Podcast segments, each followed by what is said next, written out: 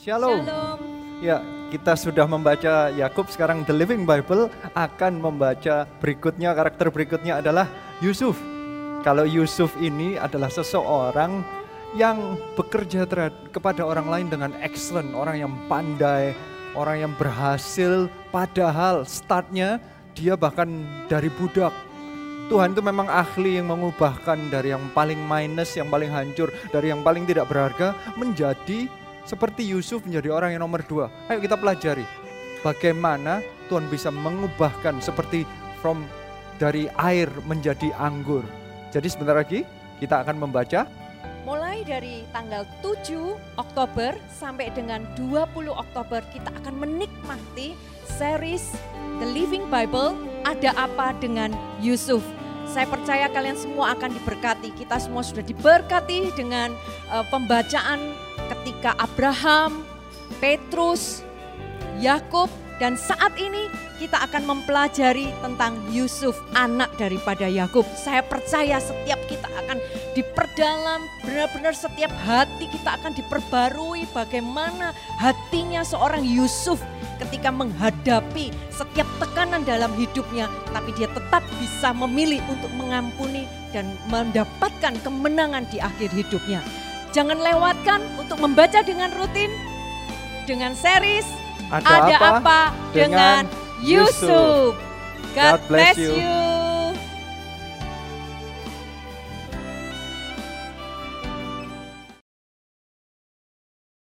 Shalom, nama saya Andreas Xiao dari C185. Saya senang sekali dengan adanya The Living Bible ini karena membuat saya lebih semangat, lebih disiplin lagi dalam merenungkan firman-Nya siang dan malam.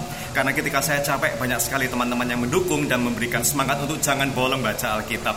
Ayo, saya mengundang kalian semua yang belum bergabung karena saya percaya komunitas yang baik bisa merubah kebiasaan yang buruk. Kalau kalian sudah lama tidak baca Alkitab, saya percaya dengan mengikuti The Living Bible, kalian bisa lebih semangat lagi untuk merenungkan firman-Nya siang dan malam. Tuhan Yesus memberkati kalian semua. God bless you. Shalom, kami dari C255. Dengan adanya The Living Bible ini, kami melihat banyak perubahan di anak-anak CG kami yang tadinya eh, jarang merenungkan firman Tuhan menjadi excited dan rajin merenungkan firman Tuhan bersama-sama dengan kami. Mereka juga belajar menuliskan sharing apa yang mereka dapat dari bacaan setiap harinya. Dari sharing yang mereka tulis itu, ada beberapa dari mereka yang menjadi sadar yang selama ini mereka mengandalkan dirinya sendiri, eh, mereka menjadi tersadar untuk mengandalkan Tuhan. Yang tadinya fokusnya pada kelemahannya, menjadi fokusnya pada firman Tuhannya. Kami melihat ketika mereka mulai mendekat pada Tuhan, ketika mulai, mereka mulai bergantung pada Tuhan, karakter mereka mulai diubahkan. Ketika karakternya dirubahkan, kehidupan masa lalunya pun ikut dihancurkan.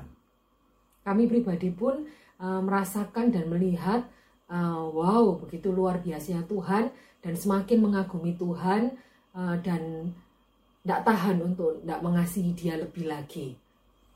Yuk, kami mengajak, jangan lewatkan kegerakan ini, kegerakan The Living Bible ini, kita jalani bersama-sama, kita belajar bersama-sama dengan penuh semangat. Salam, Salam revival. revival.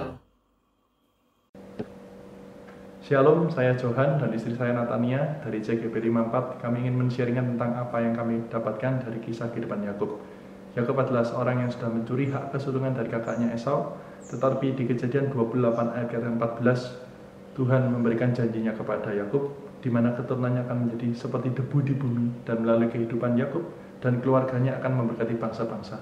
Di sini bisa kita pelajari bahwa Tuhan adalah Tuhan yang sungguh murah hati dan Tuhan yang tidak melihat kepada masa lalu kita. Dan saya juga belajar dari Yakub ini Tuhan itu maha adil. Yakub tak harus menanggung konsekuensi dari kesalahan-kesalahan yang dilakukan, tetapi karena Yakub tetap mengandalkan Tuhan, maka Tuhan tetap menyertai Yakub. Mari kita tetap mengikuti The Living Bible karena banyak hal bisa kita pelajarin dari tokoh-tokoh di Alkitab. Tuhan Yesus memberkati. Memberkati. Halo semua. Halo. Nama saya Purnama. Saya Andi. Eh, hari ini kita mau ngomong tentang Yakub. Nah, ada beberapa hal yang kita mau pelajari dari Yakub. Yang pertama, Yakub itu adalah seorang yang perseverance dan hardworking. Jadi dia benar-benar bekerja keras untuk mendapatkan apa yang sudah menjadi bagian dari dia. Menurutku yang kedua, Yakub itu berusaha melakukan dengan kuasanya di- dia sendiri, kemampuan dia sendiri sampai Tuhan mematahkan dia, menyentuh pinggulnya sehingga dia depend totally ber, berserah penuh pada Tuhan, menyerahkan hidupnya dan dia menjadi seorang bangsa yang besar, seorang Israel. Itu yang kami pelajari dari ada apa dengan Yakub. See you next time. We love you 5000. We love you 5000. Shalom, nama saya Francis dari J41. Uh, lewat Living Bible ini, saya mengalami zaman Roh Kudus ketika saya membaca Esau dan Yakub, di mana itu berkenaan dengan pergumulan dan karakter saya selama bertahun-tahun terakhir ini. Uh, oleh sebab itu, saya mengajak uh, semua untuk sama-sama baca The Living Bible. Tuhan Yesus memberkati. Shalom, aku Marina dari CKJ 185. Dari series Ada Apa Dengan Yakub ini banyak sekali yang aku dapatkan. Terutama yaitu bahwa Yakub Orang pilihan Tuhan adalah manusia biasa yang punya banyak kelemahan, sama seperti kita. Namun itu tidak membuat Tuhan berhenti memanggil Yakub. Tuhan tetap menyertai dari masa awal Yakub mengenal Tuhan hingga akhir hidupnya di mana dia diberkati Tuhan dengan luar biasa. Aku mau mengajak kita semua yang belum ikut The Living Bible, yuk kita sama-sama belajar dari tokoh-tokoh Alkitab yang aku percaya akan bisa direlevankan dengan kehidupan kita sehari-hari dan pastinya akan sangat berkati. God bless you.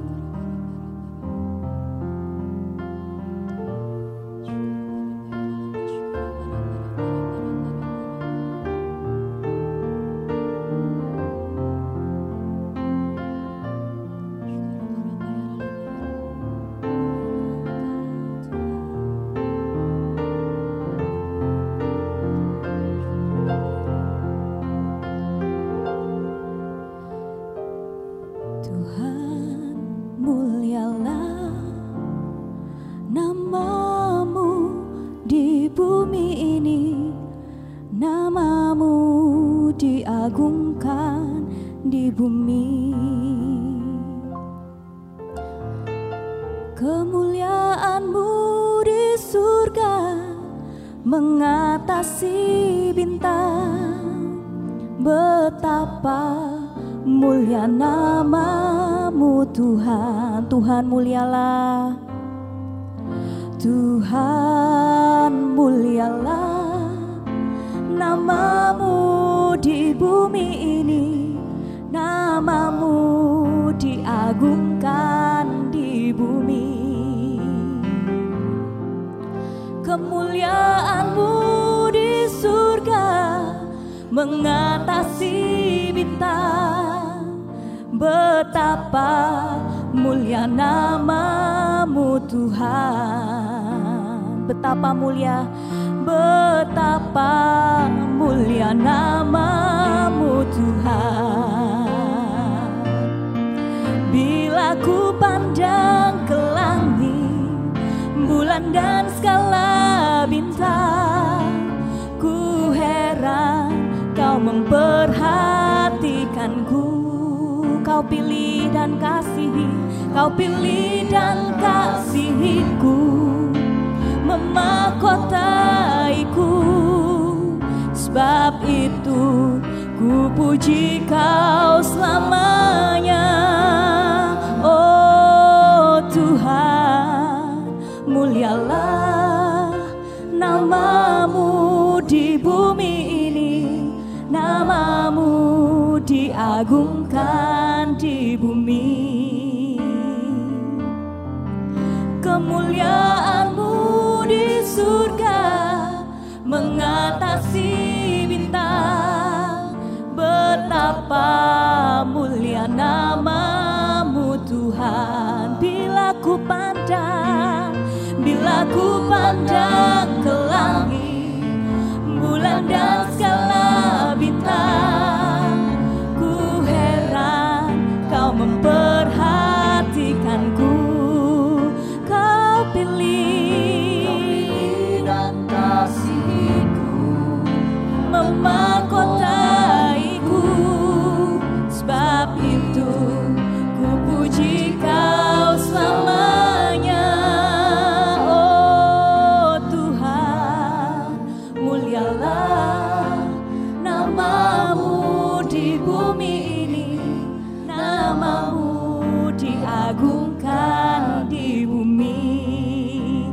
Katakan kemuliaanmu. Kemuliaanmu di surga Mengatasi bintang Betapa mulia namamu Tuhan. Oh betapa mulia Betapa mulia namamu Tuhan. Sekali lagi katakan betapa mulia Betapa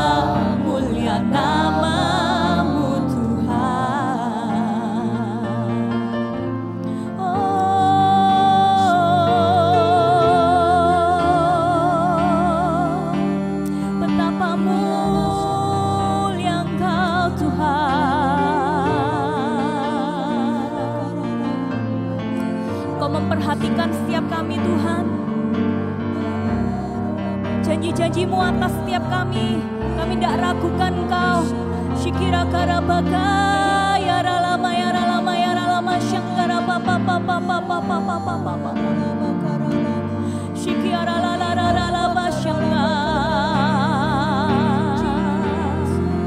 Seperti engkau berjanji kepada Abraham, Ishak dan Yakub Tuhan. Janjimu itu tak berkesudahan, janjimu itu ya dan amin. Shikira karabaka ya ralama. Shikira laba kaya ralaba shikira papa papa kaya ralamo. Engkau Allah kami yang besar. Kau Tuhan kami yang ajaib. Almighty God. Shikira karapa papa papa. Shikira karapa rapa. Mari kita sama-sama mengagungkan Dia, kita membesarkan. Oh ya Allah segala raja, segala raja. Engkau Allah yang maha besar, Engkau yang mulia. Engkau Yesus yang selalu membuat kami terpesona dengan setiap karya-karyamu Tuhan. Dengan keajaibanmu, dengan perbuatanmu. Engkau mempesona setiap kami ya Tuhan. Shikiara rara laba syangkara babakayara rara. Mari sama-sama dengan saya katakan kau Allah yang besar, ajaib, engkau mulia. Kau Allah yang besar, ajaib dan mulia. Kau Yesus yang selalu membuatku terpesona.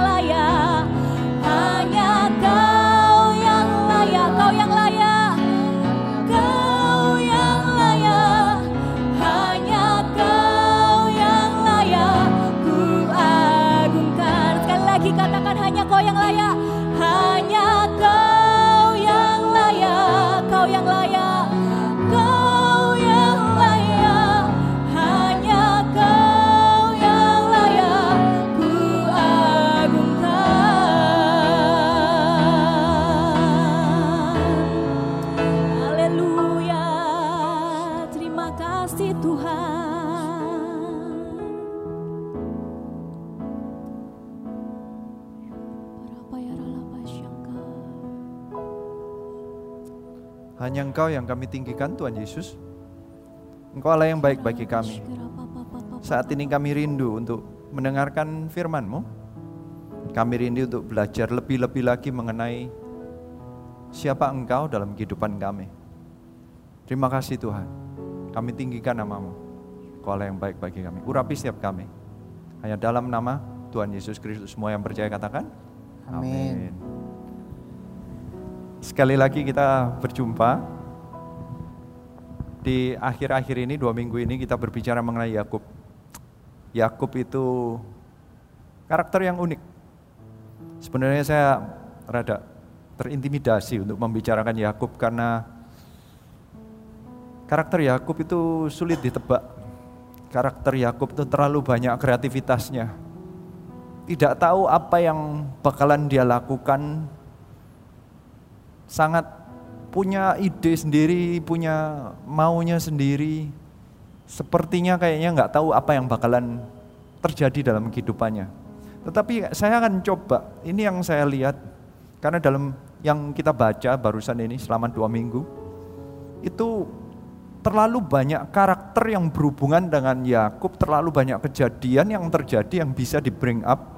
Semuanya baik, semuanya penting, tetapi saya coba lihat karakter hubungan Yakub dengan Tuhan itu bagaimana? Saya bagi ini menjadi empat bagian atau empat perubahan yang paling dasar. Empat-empatnya ini nanti mungkin saya minta tolong di, uh, ditampilkan di layar ya, empat-empatnya ini. Kita mulai dari yang pertama, bahwa Anda harus mengerti bahwa hubungan dengan Yakub itu yang memulai itu Tuhan. Tuhan itu yang memulai berbicara dengan Yakub. Tuhan yang berjumpa dengan Yakub. Tuhan itu yang benar-benar memberikan conversation ya. Makanya fase pertama adalah sepertinya lebih banyak Tuhannya yang berbicara.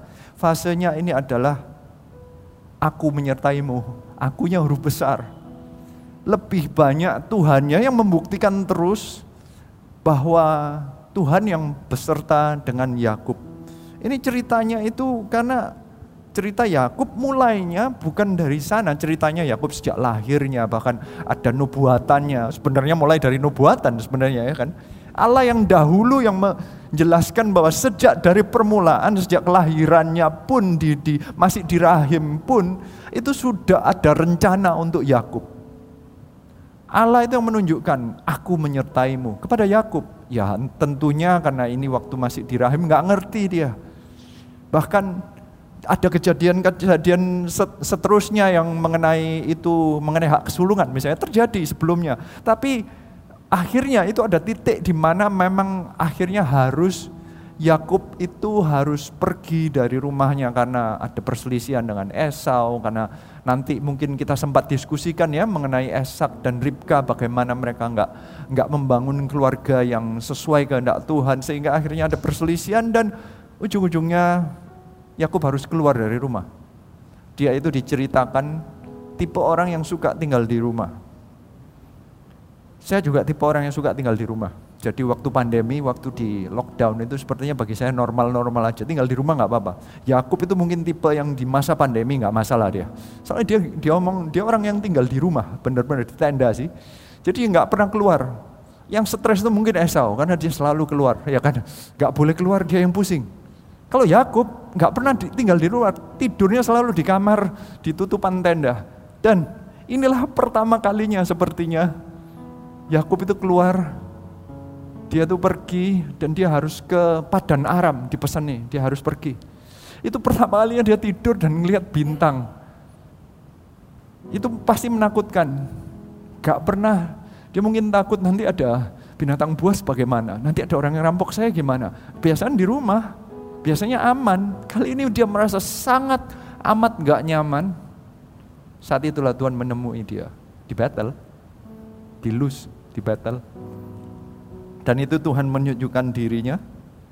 Dan ini ayatnya saya sebutkan di Kejadian 28 ayat 12. Maka bermimpilah ia. Di bumi ada didirikan sebuah tangga yang ujungnya sampai ke langit Dan tampaklah malaikat-malaikat Allah turun naik di tangga itu. Berdirilah Tuhan di sampingnya dan berfirman, Akulah Tuhan, Allah Abraham, nenekmu, dan Allah Ishak.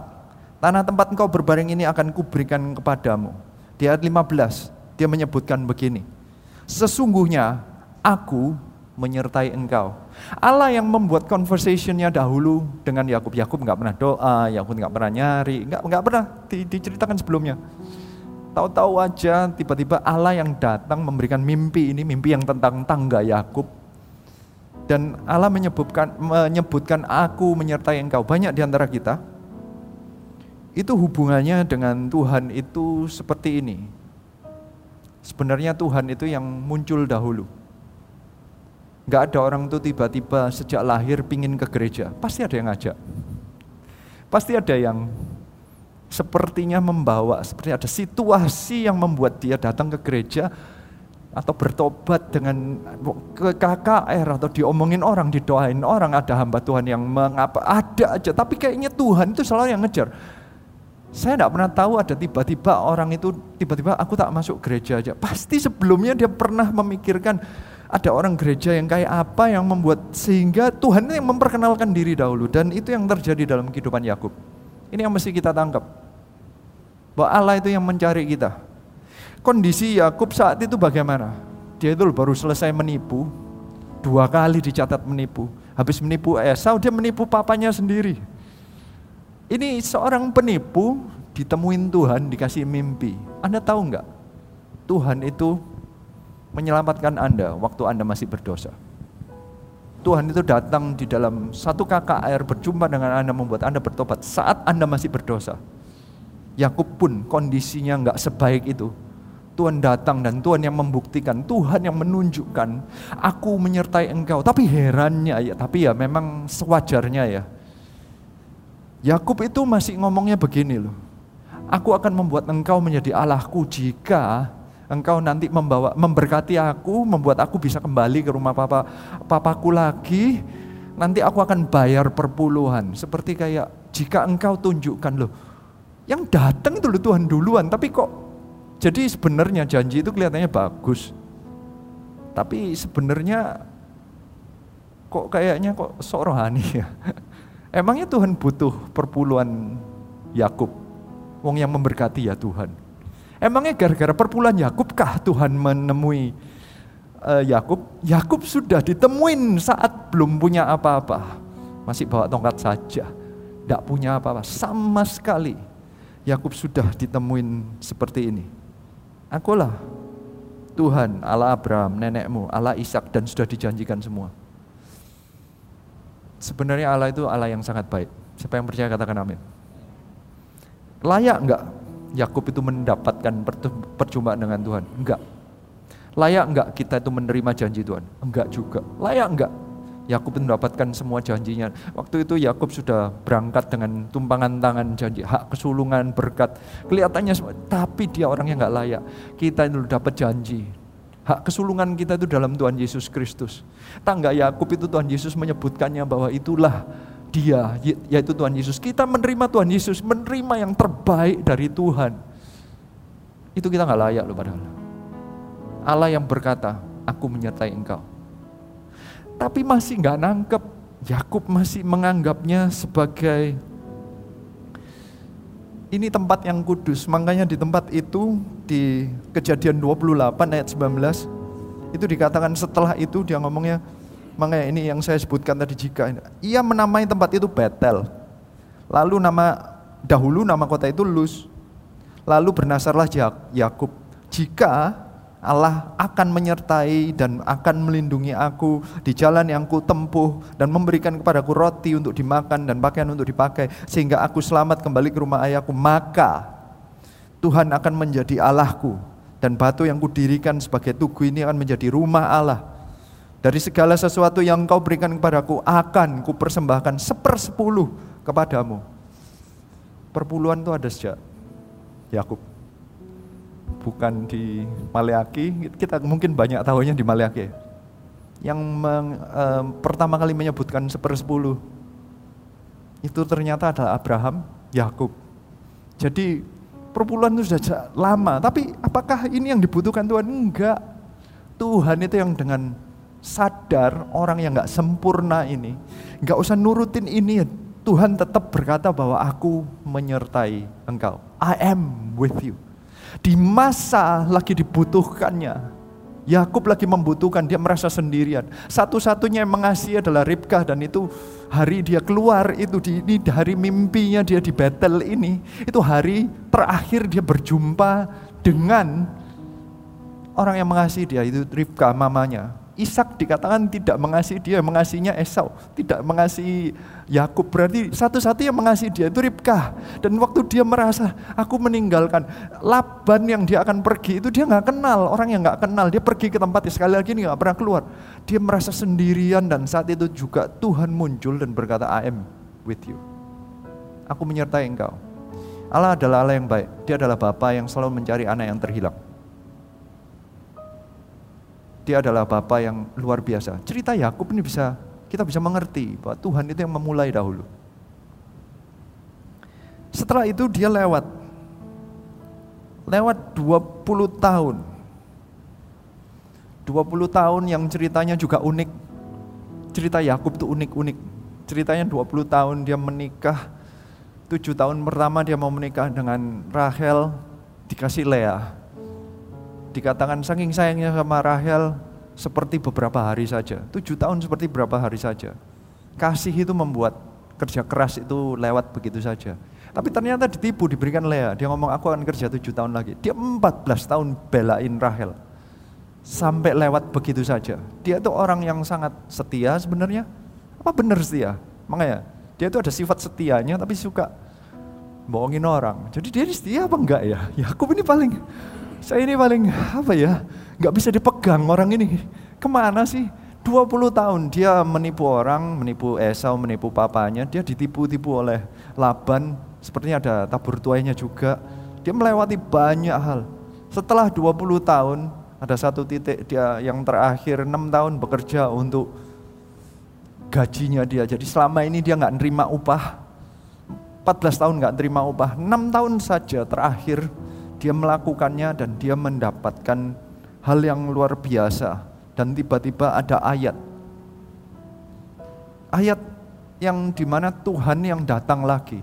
Di tengah-tengah cerita mengenai Laban itu tidak pernah ada kata-kata Yakub mengucap syukur pada Tuhan, Yakub membangun altar, Yakub berdoa, Yakub minta Tuhan, enggak pernah, nol, tidak pernah ada. Tiba-tiba Tuhan dahulu yang muncul kemudian dan dia berkata demikian di Kejadian 31 ayat 3. Dikatakan, lalu berfirmanlah Tuhan kepada Yakub, pulanglah ke negeri nenek moyangmu dan kepada kaummu, dan aku akan menyertai engkau. Setelah 20 tahun of silence, tidak ada hubungan sama sekali. Tapi di tengah-tengahnya selalu tetap ada berkat Tuhan. Dan memang terbukti bahwa Allah menyertai dia. Tiba-tiba ada ayat ini, pulanglah ke negeri nenek moyangmu, aku akan menyertai engkau. Ini yang kedua, fase kedua. Fase pengertian mengenai aku akan menyertai engkau. Yang pertama, level pertama tadi, aku menyertai engkau. I am. Ini yang kedua, ini adalah aku akan menyertai engkau. Apakah Yakub bisa percaya kalau Tuhan cuma memberikan janji aku akan? Beda kan? Kalau Tuhan ngomong janji aku ada itu berarti selalu kayak kelihatan terus berkatnya penyertaannya kelihatan sekarang. Kalau aku akan itu belum kelihatan penyertaannya dan Tuhan cuma janji aja. Dia harus mengambil keputusan dengan janji aku akan. Karena kalau pulang dari negeri itu padan Aram atau tempatnya Laban ke ke tanah Kanaan itu kira-kira 600 km. Kalau sehari jalan 10 itu 60 hari itu kalau jalannya cepat, kalau jalannya pelan, kalau bawa anak dan apa-apa itu bisa-bisa mungkin 90 hari, tiga bulan. Kalau bawa itu mindah migrasi yang luar biasa, benar-benar terjadi yang luar biasa. Dan akhirnya dia itu ngambil keputusan untuk ya, karena apa? Tuhan itu memperkenalkan diri ini 31 ayat 13. Kata-katanya begini, akulah Allah yang di itu, di mana engkau mengurapi tugu dan di mana engkau bernasar kepadaku, maka sekarang Bersiaplah engkau, pergilah dari negeri ini dan pulanglah ke negeri sanak saudaramu. Uh, saya nggak tahu apakah uh, Yakub itu ingat apa nggak nasarnya. Saya nggak tahu Anda sendiri pernah nggak bernasar sama Tuhan. Mungkin loh nggak percaya, mungkin loh dulu Anda pernah gitu. Aku pasti melayani engkau Tuhan. Kalau engkau selalu ada kan gitu ya. Aku nanti pasti nanti akan memberikan ini Tuhan. Kalau engkau berkati aku, pasti itu nasar sepertinya. Anda mungkin belum tentu ingat. Anda tahu nggak? Tuhan itu selalu ingat. Ini 20 tahun lewat, Tuhan itu tetap ingat. Hati-hati ya menasar ya, jangan janji sembarangan. Tuhan lo yang datang padamu. Tuhan nggak butuh janjinya, tapi kalau engkau berjanji, Tuhan pasti ingat. Karena Tuhan nggak pernah lupa. Anda yang sering lupa. Yakub pun mungkin lupa, kayak Nasar. Anda tahu nggak itu perpuluhan nggak pernah dicatat di Alkitab bahwa dia memberikan perpuluhan. Nggak pernah. Nggak pernah dia cuma janji dan dilewatin. Apakah Tuhan marah? Nggak juga sih. Tapi ini bukan artinya konsepnya saya bilang bahwa tidak jangan perpuluhan. Perpuluhan itu menunjukkan bahwa engkau itu mengucap syukur bahwa ini ini adalah benar-benar semua berkatmu itu dari Tuhan. Itu adalah deklarasi iman ya. Tapi ini saya cuma ngomong bahwa ini apakah Tuhan itu Tuhan peraturan? Enggak. Tuhan enggak pernah menuntut. Tuhan itu adalah Tuhan yang datang dahulu. Dua kali dalam fase kehidupannya Yakub. Itu bukan Yakub yang datang minta-minta loh ya. Bukan Yakub yang kayaknya merengek-rengek atau Yakub yang gedor-gedor Tuhan. Enggak, Tuhan yang selalu mencari. Anda harus mengerti ini. Tuhan itu yang datang ke bumi, mati di atas kayu salib. Mengorbankan satu-satunya anaknya yang tunggal yaitu Tuhan Yesus Kristus. Mati mengorbankan darahnya dan dagingnya untuk pengampunan dosa kita. Dia yang mengejar kita. Jangan tolak dia, dia Allah yang baik. Kali ini fase di mana imannya sepertinya dinaikkan kembali sedikit. Aku akan menyertai engkau. Tuhan itu tahu apa yang bakalan terjadi. Kali ini Yakub sudah berumur 97. Iya, kadang kita itu mikir Yakub ke Laban itu umur berapa? Umur 77 tahun, oke. Okay. Sudah umur 77 tahun sudah sudah cukup matang. Dia sudah cukup mengerti sudah orang sudah orang dewasa. Dia bukan orang muda kayak apa. Dia balik dari sana, dia sudah punya kekayaan, ada uh, domba dan sudah menikah dengan dua dua istri, anaknya sudah ada 11 waktu itu. Dia umur 97, baru tercatat doa pertamanya Yakub. Selama ini dia nggak pernah datang kepada Tuhan. Kayaknya selalu Tuhan yang datang. Banyak di antara kita kalau di zaman masih I am with you, aku menyertai engkau. Sepertinya kita kalau datang ke gereja baru kita doa sebenarnya ya. Itu pun kalau dipimpin dari ibadah, mari kita berdoa, mari kita menyanyi. Kita nggak pernah diam-diam menyembah, diam-diam berdoa, nggak pernah, nggak pernah, nggak pernah. Sepertinya gitu. Tapi nanti ada level berikutnya di mana saat mulai mengerti level berikutnya, ini level yang menurut saya ini aku akan menyertai engkau. Ini mulai kita diam-diam kita yang doa kita sudah kayak ada level berikutnya. Kita yang mengerti Allah itu hidup ya. Oke, aku akan doa kepada dia. Ini doa pertama dia. Di Kejadian 32 ayat 9. Kemudian berkatalah Yakub, "Ya Allah nenekku Abraham dan Allahku Ishak. Ya Tuhan yang telah berfirman kepadaku, pulanglah ke negerimu. Dia nyebutkan lagi dan dia berkata di ayat 10, sekali-sekali, sekali-kali aku tidak layak untuk menerima segala kasih kesetiaan yang engkau tunjukkan kepada hambaku ini, hambamu ini. Sebab aku membawa hanya tongkatku ini waktu aku menyeberangi sungai Yordan. Tetapi sekarang telah menjadi dua pasukan. Ini baru ada permintaan. Dia mengakui sih, semua berkatnya dia diterima dari Tuhan. Habis itu dia mulai minta. Ini permintaan pertamanya Yakub. Lepaskan kiranya aku dari tangan kakakku, dari tangan Esau. Sebab aku takut kepadanya Jangan-jangan ia datang membunuh aku. Juga ibu-ibu dan anak-anaknya, bukankah engkau telah berfirman, tentu aku akan berbuat baik kepadamu dan menjadikan keturunanmu sebagai pasir di laut yang karena banyaknya tidak dapat dihitung. Tuhan itu tahu saat kita itu butuh kekuatan, di saat-saat akan ada tantangan yang besar, Tuhan akan datang dan berkata, "Aku akan menyertai engkau." Itu kondisinya Yakub saat itu memang sangat rumit. dia sudah kerja 20 tahun di Laban dia membawa dan dia relatif lebih kaya bukannya Laban tidak kaya. Laban ikut diberkati gara-gara Yakub tetapi karena keirian ya Laban dan anak-anaknya Laban dan anak-anaknya mulai benci karena iri terhadap kekayaan dari Yakub. Jadi dia merasa nanti gimana ya kalau nggak boleh pergi? Dia lari dari Laban dalam keadaan lari ini Laban mengejar dengan sanak saudara. Nggak disebut berapa orang yang mengejar tetapi Laban boasting atau me, me, membangga-banggakan aku bisa menghancurkan engkau. Berarti cukup banyak. Jadi dari belakang ada yang ngejar dia. Ini kondisinya di tengah-tengah. Di belakang ada yang ngejar dia di depan ada Esau yang pernah mengancam untuk membunuh dia. Yakub benar-benar di tempat yang terjepit Yakub akan menghadapi tantangan dan Tuhan menjanjikan, aku akan menyertai engkau. Tuhan tahu ke depan itu ya apa yang akan dihadapi oleh Yakub. Dan Tuhan menjanjikan, aku akan menyertai engkau. Dan akhirnya kalau saya mau lihat ke depan itu, Laban dari belakang itu dengan sengaja datang untuk mengancam mau membunuh sebenarnya atau mau rebut kembali kita nggak tahu tujuannya Laban apa, tapi khusus persis di hari persis mau ketemu dengan Yakub, Tuhan itu memberikan mimpi. Tuhan menunjukkan bahwa dari janjinya Tuhan akan itu terjadi benar-benar. Laban itu nggak jadi mengapa-ngapakan Yakub hanya karena ada mimpi dari Tuhan. Benar-benar diatur oleh Tuhan, bukan karena kehebatan Yakub bukan karena strategi Yakub tapi benar-benar dari Tuhan.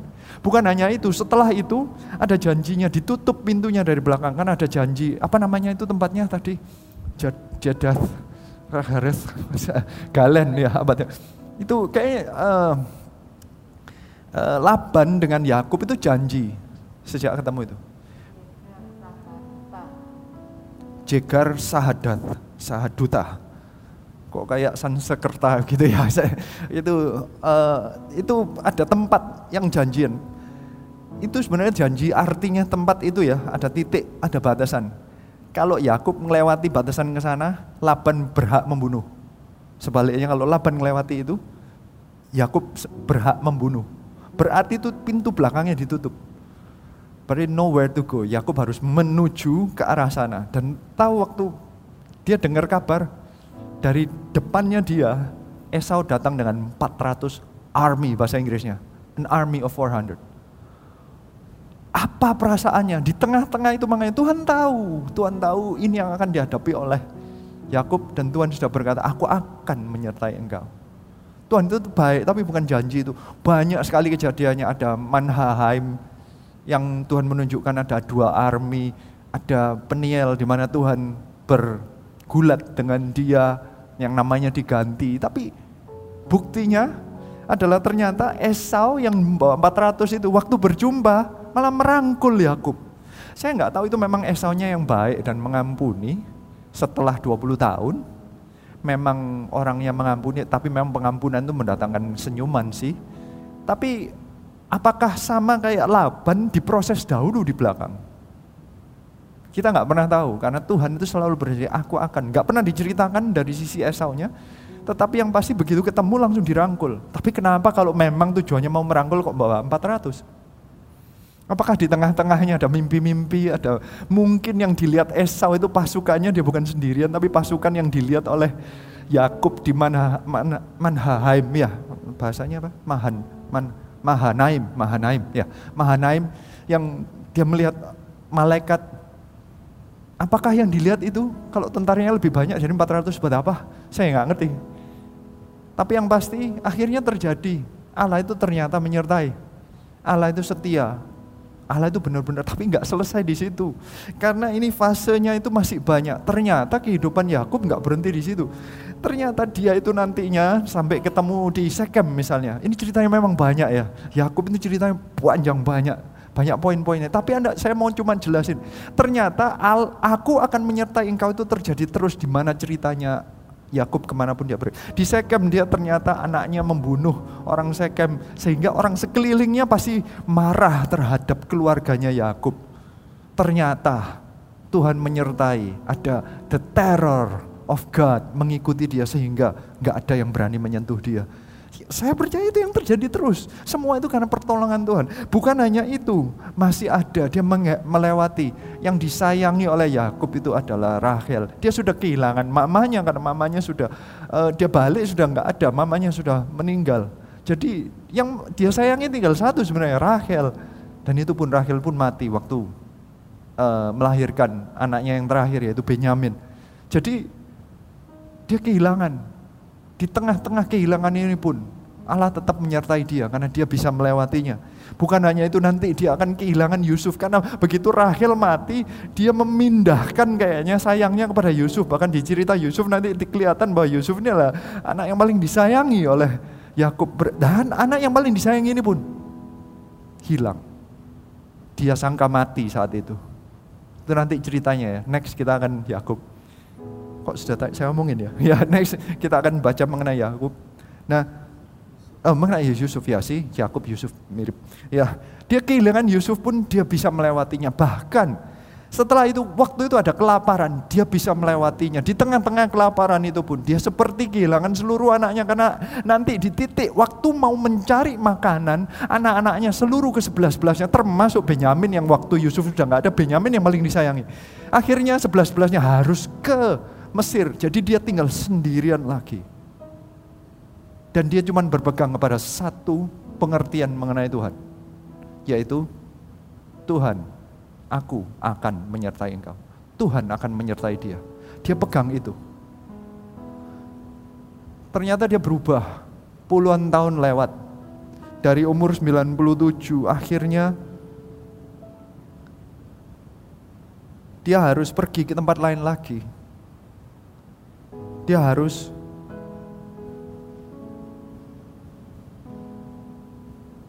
ke Mesir akhirnya karena kelaparan itu tadi.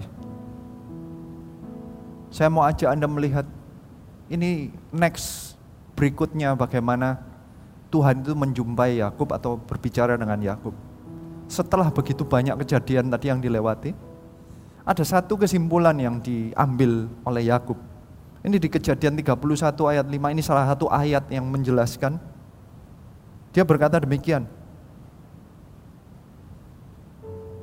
31 ayat 5. Lalu ia berkata kepada mereka, telah kulihat dari muka ayahmu bahwa ia tidak lagi seperti yang sudah-sudah padaku. Tetapi Allah ayahku menyertai aku.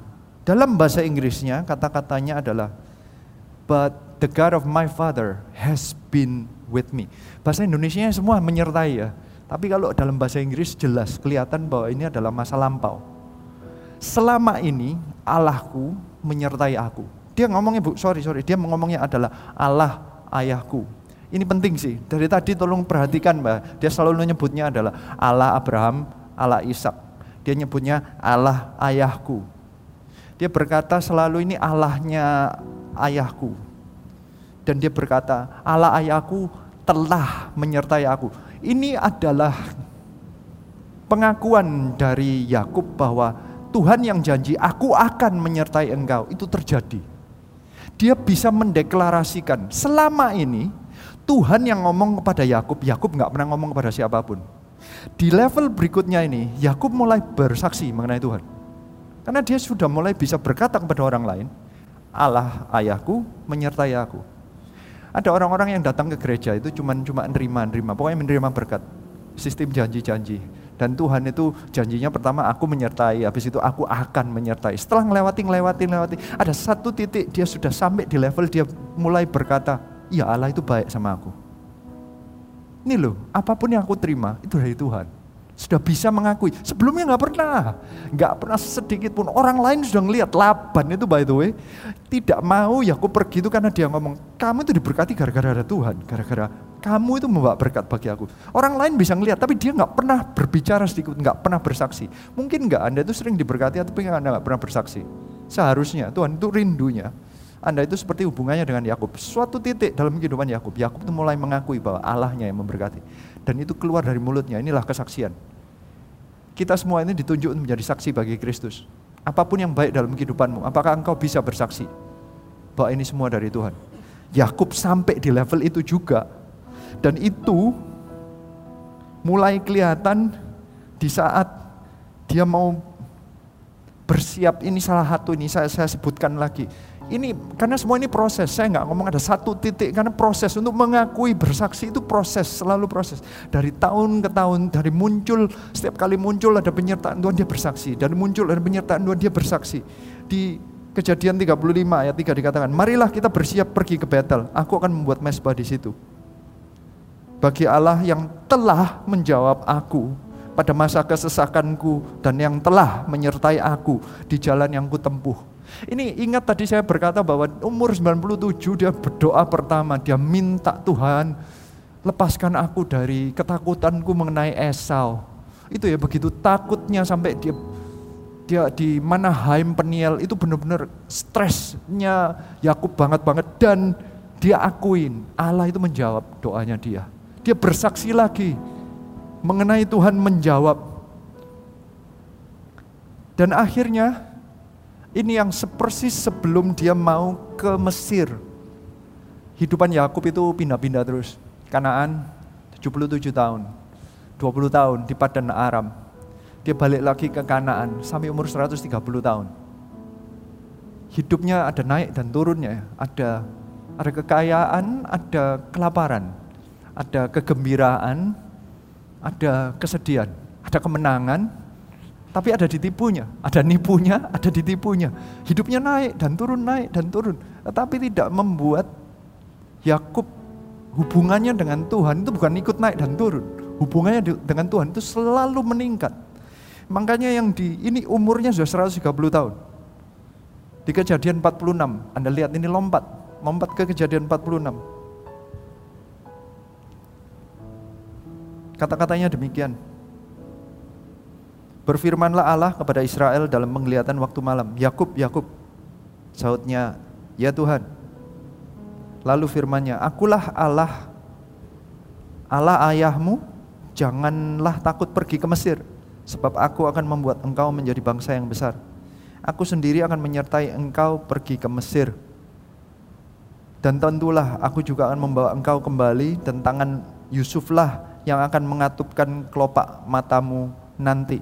Ini ada progresi bahwa di umur 130 Allah masih mau menguatkan Tuhan dan akhirnya Inilah yang terjadi. Dengan semua kejadian selalu ada kata-kata akan, akan, akan. Akhirnya Yakub mencapai progresi yang menurut saya ini progresi yang terakhir. Tadi kan dia sudah bisa mengakui bahwa Allah telah menyertai aku, telah menjawab doaku. Dan ini progresi yang terakhir. Progresi yang terakhir adalah Yakub bisa berkata demikian, Tuhan akan menyertai kamu. God will be with you. Dari tadi yang pertama, Allah yang berbicara, I am with you, I will be with you. Yang ketiga, Yakub mulai berbicara, Tuhan telah ada dalam hidupku. God has been with me. Dia menceritakan mengenai kehidupannya diri sendiri, mengenai Tuhan. Yang keempat, dia bisa berkata ini, God will be with you. Ini lain lagi ini. Dulu dia masih struggle mengenai siapa Tuhan dan kehadiran Tuhan. Suatu saat dia mengakui memang Tuhan hadir dan penyertaannya nyata. Yang terakhir, dia bisa memberikan penyertaan Tuhan ini kepada orang lain. Dia bisa mewariskan. Dia bisa memberkati orang lain. Dahulu dia bingung dengan berkatnya sendiri, bingungnya dengan struggle-nya sendiri mengenai dirinya sendiri. Di, yang terakhir ini, yang keempat, Tuhan akan menyertai engkau. Dia sudah sampai di level dia bisa memberkati orang lain. Kok bisa sampai di sana? Karena ada perbedaan yang lain. Saya ajak dulu baca ayatnya ya. Di kejadian 48 ayat 21, ini kata-kata di mana dia berkata bahwa Allah akan menyertai kamu. Kemudian berkatalah Israel kepada Yusuf, tidak lama lagi aku akan mati, tetapi Allah akan menyertai, menyertai kamu dan membawa kamu ke negeri nenek moyangmu. Sebentar, selama ini yang memberi janji itu Tuhan kepada Yakub, Tuhan kepada Yakub, Tuhan kepada Yakub. Ada satu titik setiap janji Tuhan itu dia tangkap dan dia miliki akhirnya. Setelah dia miliki, Allahnya dia miliki, janjinya dia miliki, dia bisa memberikan kepada anaknya. Ini dari Yakub kepada Yusuf. Dia yang berkata, Allah akan menyertai kamu. Itu janjinya yang selama ini dia terima. Selama dari 77 tahun sampai umur 137 tahun ini. Dia terima terus akhirnya dia memberikan, dia menyalurkan. Dia bukan hanya menerima berkat, dia menyalurkan berkat. Dia bisa berkata, Allah akan menyertai kamu. Begitu luar biasanya, sampai kata-katanya adalah ini bedanya, tadi saya sebutkan sedikit. Selama ini janjinya itu dikatakan bahwa Allah Allah kalau memperkenalkan diri, akulah Allah Abraham, Allah Ishak, Allah ayahmu. Dia pun kalau ngomong kepada orang lain, Allah ayahku, Allah nenek moyangku, Allah Abraham, Allah Ishak. Selalu ngomongnya kayak begitu. Tapi ada satu titik, dia tidak lagi menyebutnya nama ini Allah ayahku. Dia nyebutnya lah, uh, lain. Saya ajak Anda lihat ini. Kejadian 49 ayat 24. Saya lompatnya memang langsung ya, karena ya mau menceritakan 14 pasal kalau dalam waktu beberapa menit memang sulit ya. Ini progresi yang menurut saya luar biasa. Kejadian 49 ayat 24. Ini di dalam doanya kepada anaknya Yusuf, dia berkata demikian. Namun panahnya tetap kokoh dan lengan tangannya tinggal lihat oleh pertolongan yang maha kuat, pelindung Yakub. Oleh sebab gembalanya gunung batu Israel. Sudah bukan lagi Allahnya Abraham atau Allahnya Ishak. Dia langsung nyebutnya karena dia punya dua nama, Yakub dan Israel. Dia nggak nanggung-nanggung, dua-duanya disebut. Dia ngomong yang maha kuat pelindung Yakub. Oleh sebab gembalanya agung, eh, gembalanya gunung batu Israel dia menyebutkan apa arti Allah bagi dirinya. Dia sudah memiliki Allahnya. Mungkin enggak selama ini? Dalam kehidupan kekristenanmu, engkau selalu berkata demikian. Ini kan Allahnya pendetaku. Ini kan terjadi di dalam kejadiannya. Itu loh yang bicara itu loh. Yang kesaksian itu yaitu Allahnya dia. Mungkin enggak kita selalu berkata bahwa ya itu kesaksian janjimu, itu kejadianmu, itu Allahmu. Kita sering me, menjauh-jauhkan Tuhan dari kita. Yaitu memang mungkin progresinya ya. Satu titik saya berdoa kalian semua progresinya tumbuh sama seperti Yakub yang bisa memiliki. Sekarang Allahnya adalah Allahnya Yakub sendiri. Allah yang maha kuat itu bukan hanya kepada Abraham dan Ishak tetapi kepada Yakub sendiri. Yang menjadi gembala itu gemba, gembalanya bukan gembalanya Ishak, gembalanya Abraham lagi, tapi gembalanya Israel sendiri. Saya rindunya kalian semua sudah menangkap bahwa ini semua Allah itu Allah yang personal. Anda harus memiliki Allahmu. Jesus is your personal God, your personal Savior. Ini bukan Allahnya gereja, bukan hanya Allahnya Pastor Philip, bukan Allahnya kami yang ada di tempat ini, tetapi Allahmu. Janji yang diberikan kepada Abraham, Ishak, dan gereja Tuhan itu juga janjimu. Banyak di antara kita loh ya, tapi visi seribu gereja satu juta murid itu kan miliknya gereja. Selama ini janjinya juga janjinya Abraham, tapi ada satu titik janjinya sudah dimiliki oleh Yakub, makanya Yakub bisa memberikan janji itu kepada Yusuf. Dia bisa meneruskannya. Dia sudah memilikinya. Janjinya bukan lagi janjinya Abraham, bukan janjinya Ishak. Janjinya adalah miliknya dia. Visinya adalah visinya dia. Kalau visinya sudah jadi milikmu, itulah saatnya engkau bisa memberkati orang lain. Saya rindunya kalian mau dipakai Tuhan. Saya rindunya kalinya kalian juga menangkap visi Allah. Allah adalah Allahmu, janji Allah adalah janjimu, urapan Allah adalah urapanmu. Dengan engkau memilikinya, your personal God, your personal vision, dan akhirnya your personal anointing, engkau sudah mengambil ini. Visinya adalah visimu, engkau bisa memberkati orang lain.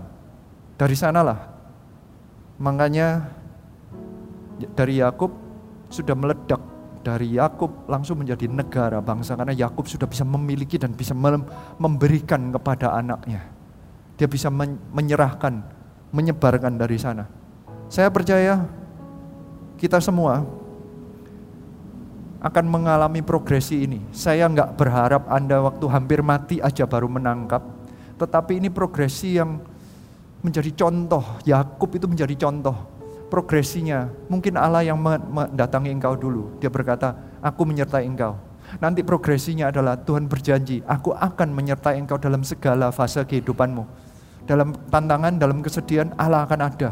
Nanti kalau Anda sudah menangkap dan lewat, Anda bisa berkata, iya Allah itu baik. Engkau bisa mulai bersaksi kepada orang, God has been with me, Allah telah menyertai aku. Dan bukan hanya itu, bukan masalah penyertaan, janjinya sudah Anda tangkap. Dan Tuhannya sudah Anda tangkap sebagai Tuhan Anda sendiri. Bukan hanya Tuhannya orang lain, bukan hanya Tuhannya gereja, bukan hanya Tuhannya orang itu, bukan tapi Tuhan Anda sendiri. Tuhannya Tuhan Anda, janjinya janji Anda, urapannya urapan Anda. Dari sana Anda bisa serahkan kepada orang lain. Dari situlah lahir bapak-bapak rohani yang baru. Keluargamu bisa diteruskan janjinya ke anak-anakmu, bisa diteruskan kepada anak-anak rohanimu. Saya rindu itu yang terjadi kepada Anda. Dan saya percaya cerita ini masih banyak. Dari fase-fase yang lain saya rindu, kita akan diskusi barengan, kita akan diskusikan bersama dengan narasumber yang di sini, yang nantinya akan memunculkan banyak fase yang lain. God bless you. Wow, menarik sekali ya. Kok Adrian bisa mengulas gitu eh, perjalanan uh, kerohanian dari uh, Yakub ya. Saya beneran ber, baru pertama kali mendengar ulasan ini, baru pertama wow, baru buka matanya. Ya, uh, saya rindunya kita semua juga punya pengalaman yang sama seperti Yakub. Jadi benar-benar makin mengenal dan menangkap dan mengadopsi ya, akhirnya. Hmm, yes. Bukan hanya Tuhannya, tapi visinya, janjinya sehingga nantinya akhirnya kita bisa menjadi bukan hanya menerima warisan tapi memberikan warisannya. Amin, amin, amin. Menyalurkan warisannya. Amin. Tapi kok hidupnya Yakub ini kan penuh dengan pergumulan di dalam uh, eh, 14 ya. hari kita baca. Ya. Ya, dan ini saya uh, kita perhatikan dimulai dari perselisihannya dengan Esau. Sebenarnya ini salahnya siapa sih? Dia dengan hubungannya dengan Esau ini. Apakah bisa dihindari atau gimana? Menurut ya diomong salahnya siapa?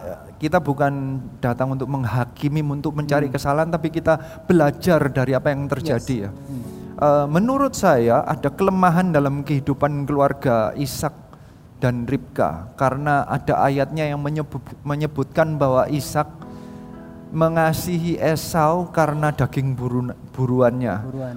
Uh, sedangkan Ribka mengasihi Yakub itu aja sudah uh, mengasihi Yakub itu aja sudah kelihatan itu kayak satu keluarga empat orang dua kubu Hmm. Anda harus mengerti bahwa ini keluarga yang diberkati Tuhan.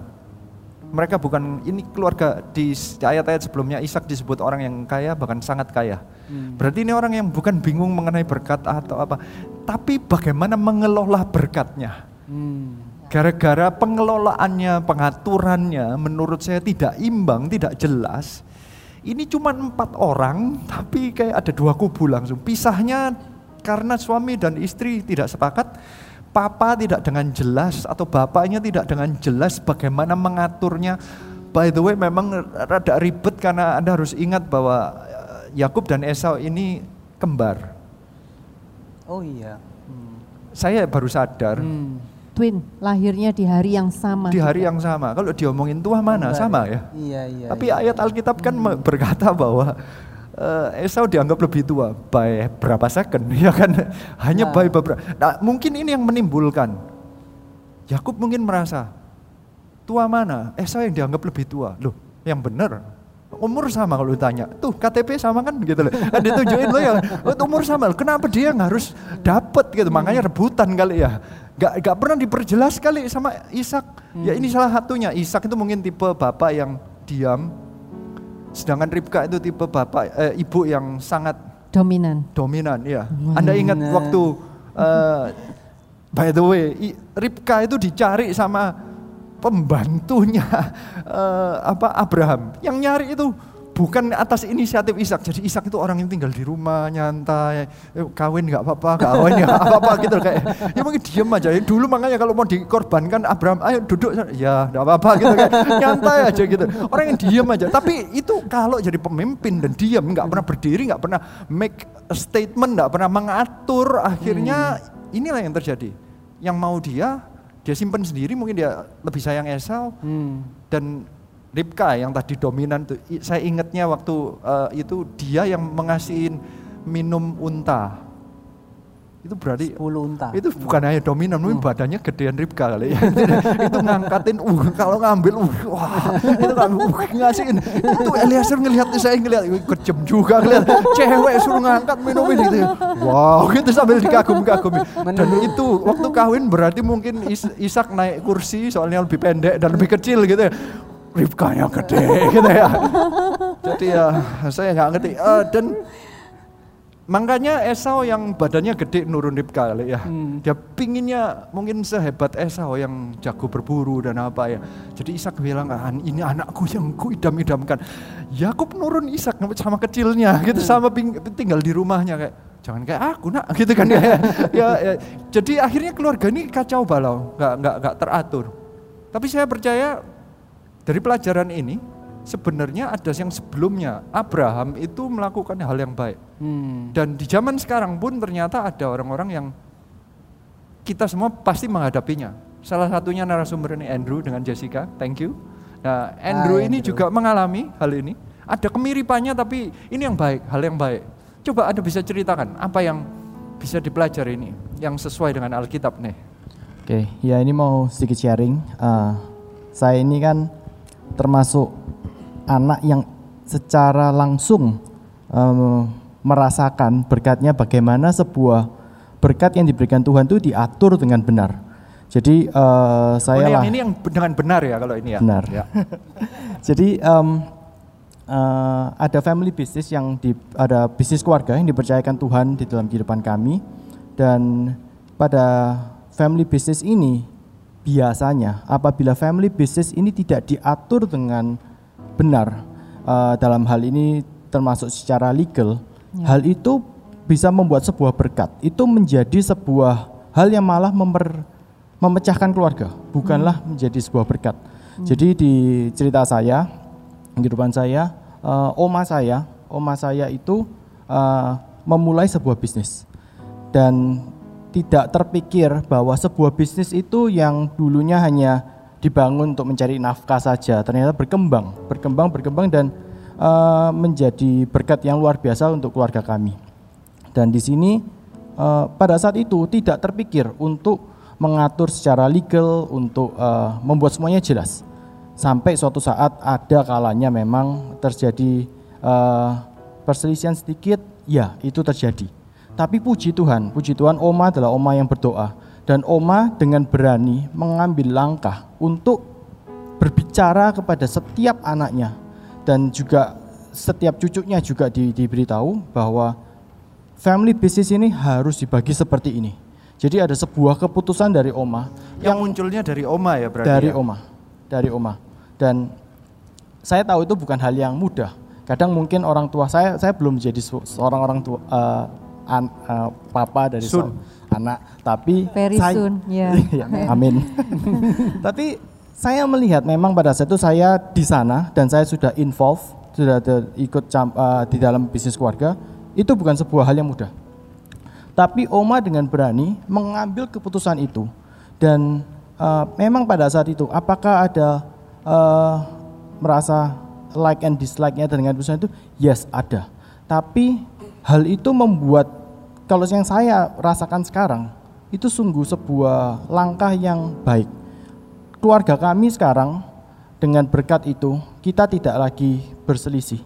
Ada sebuah eh, ins- bukan instruksi seperti blessing yang jelas bagi setiap orang dari situ keturunan Oma tidak eh, tidak ber, apa tidak bertengkar untuk hal-hal yang sudah diputuskan.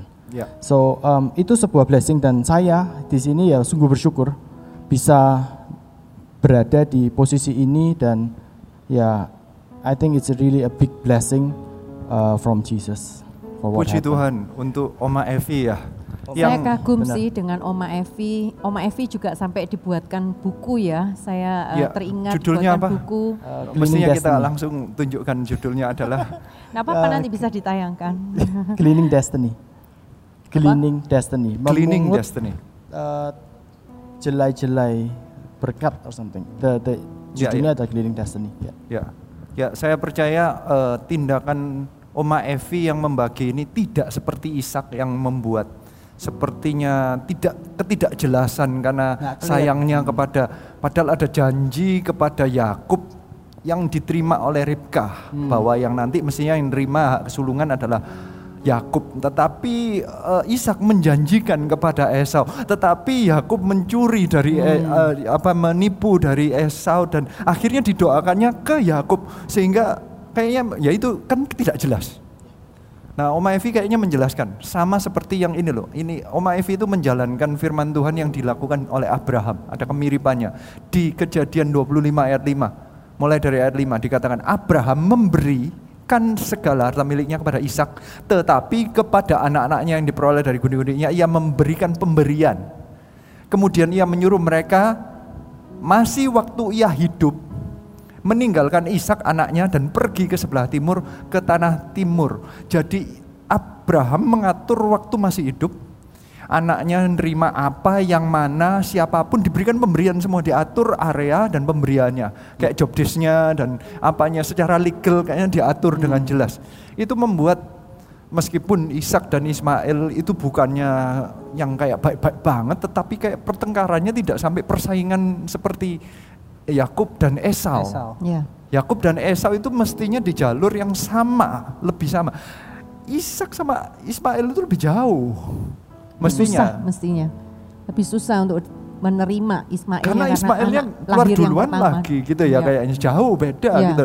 Itu lebih Tapi lebih Abraham parah bisa tapi menyelesaikan Abraham bisa ya. menyelesaikan padahal itu sulit. Luar biasa. Jadi dia benar-benar me- mengatur dengan baik dan saya mengucap syukur karena sampai sekarang firman Tuhan itu ini kita mesti tangkap eh, arti rohaninya dan kita pelajari yang baik dan ternyata ada keluarga-keluarga yang bisa melakukannya dan tapi saya percaya berkat rohan berkat yang paling besar yang Anda terima adalah takut akan Tuhannya. Yes, ya. Oma Evi. Ya, itu yang Oma benar-benar tanamkan di kehidupan kami sekeluarga bahwa eh, takutlah akan Tuhan dan hiduplah dengan penuh integritas dan selalu berdoa kepada Tuhan. Ya, Saya itu- rasa itu yang menurut saya yang harus kita pakai paling pelajarinya.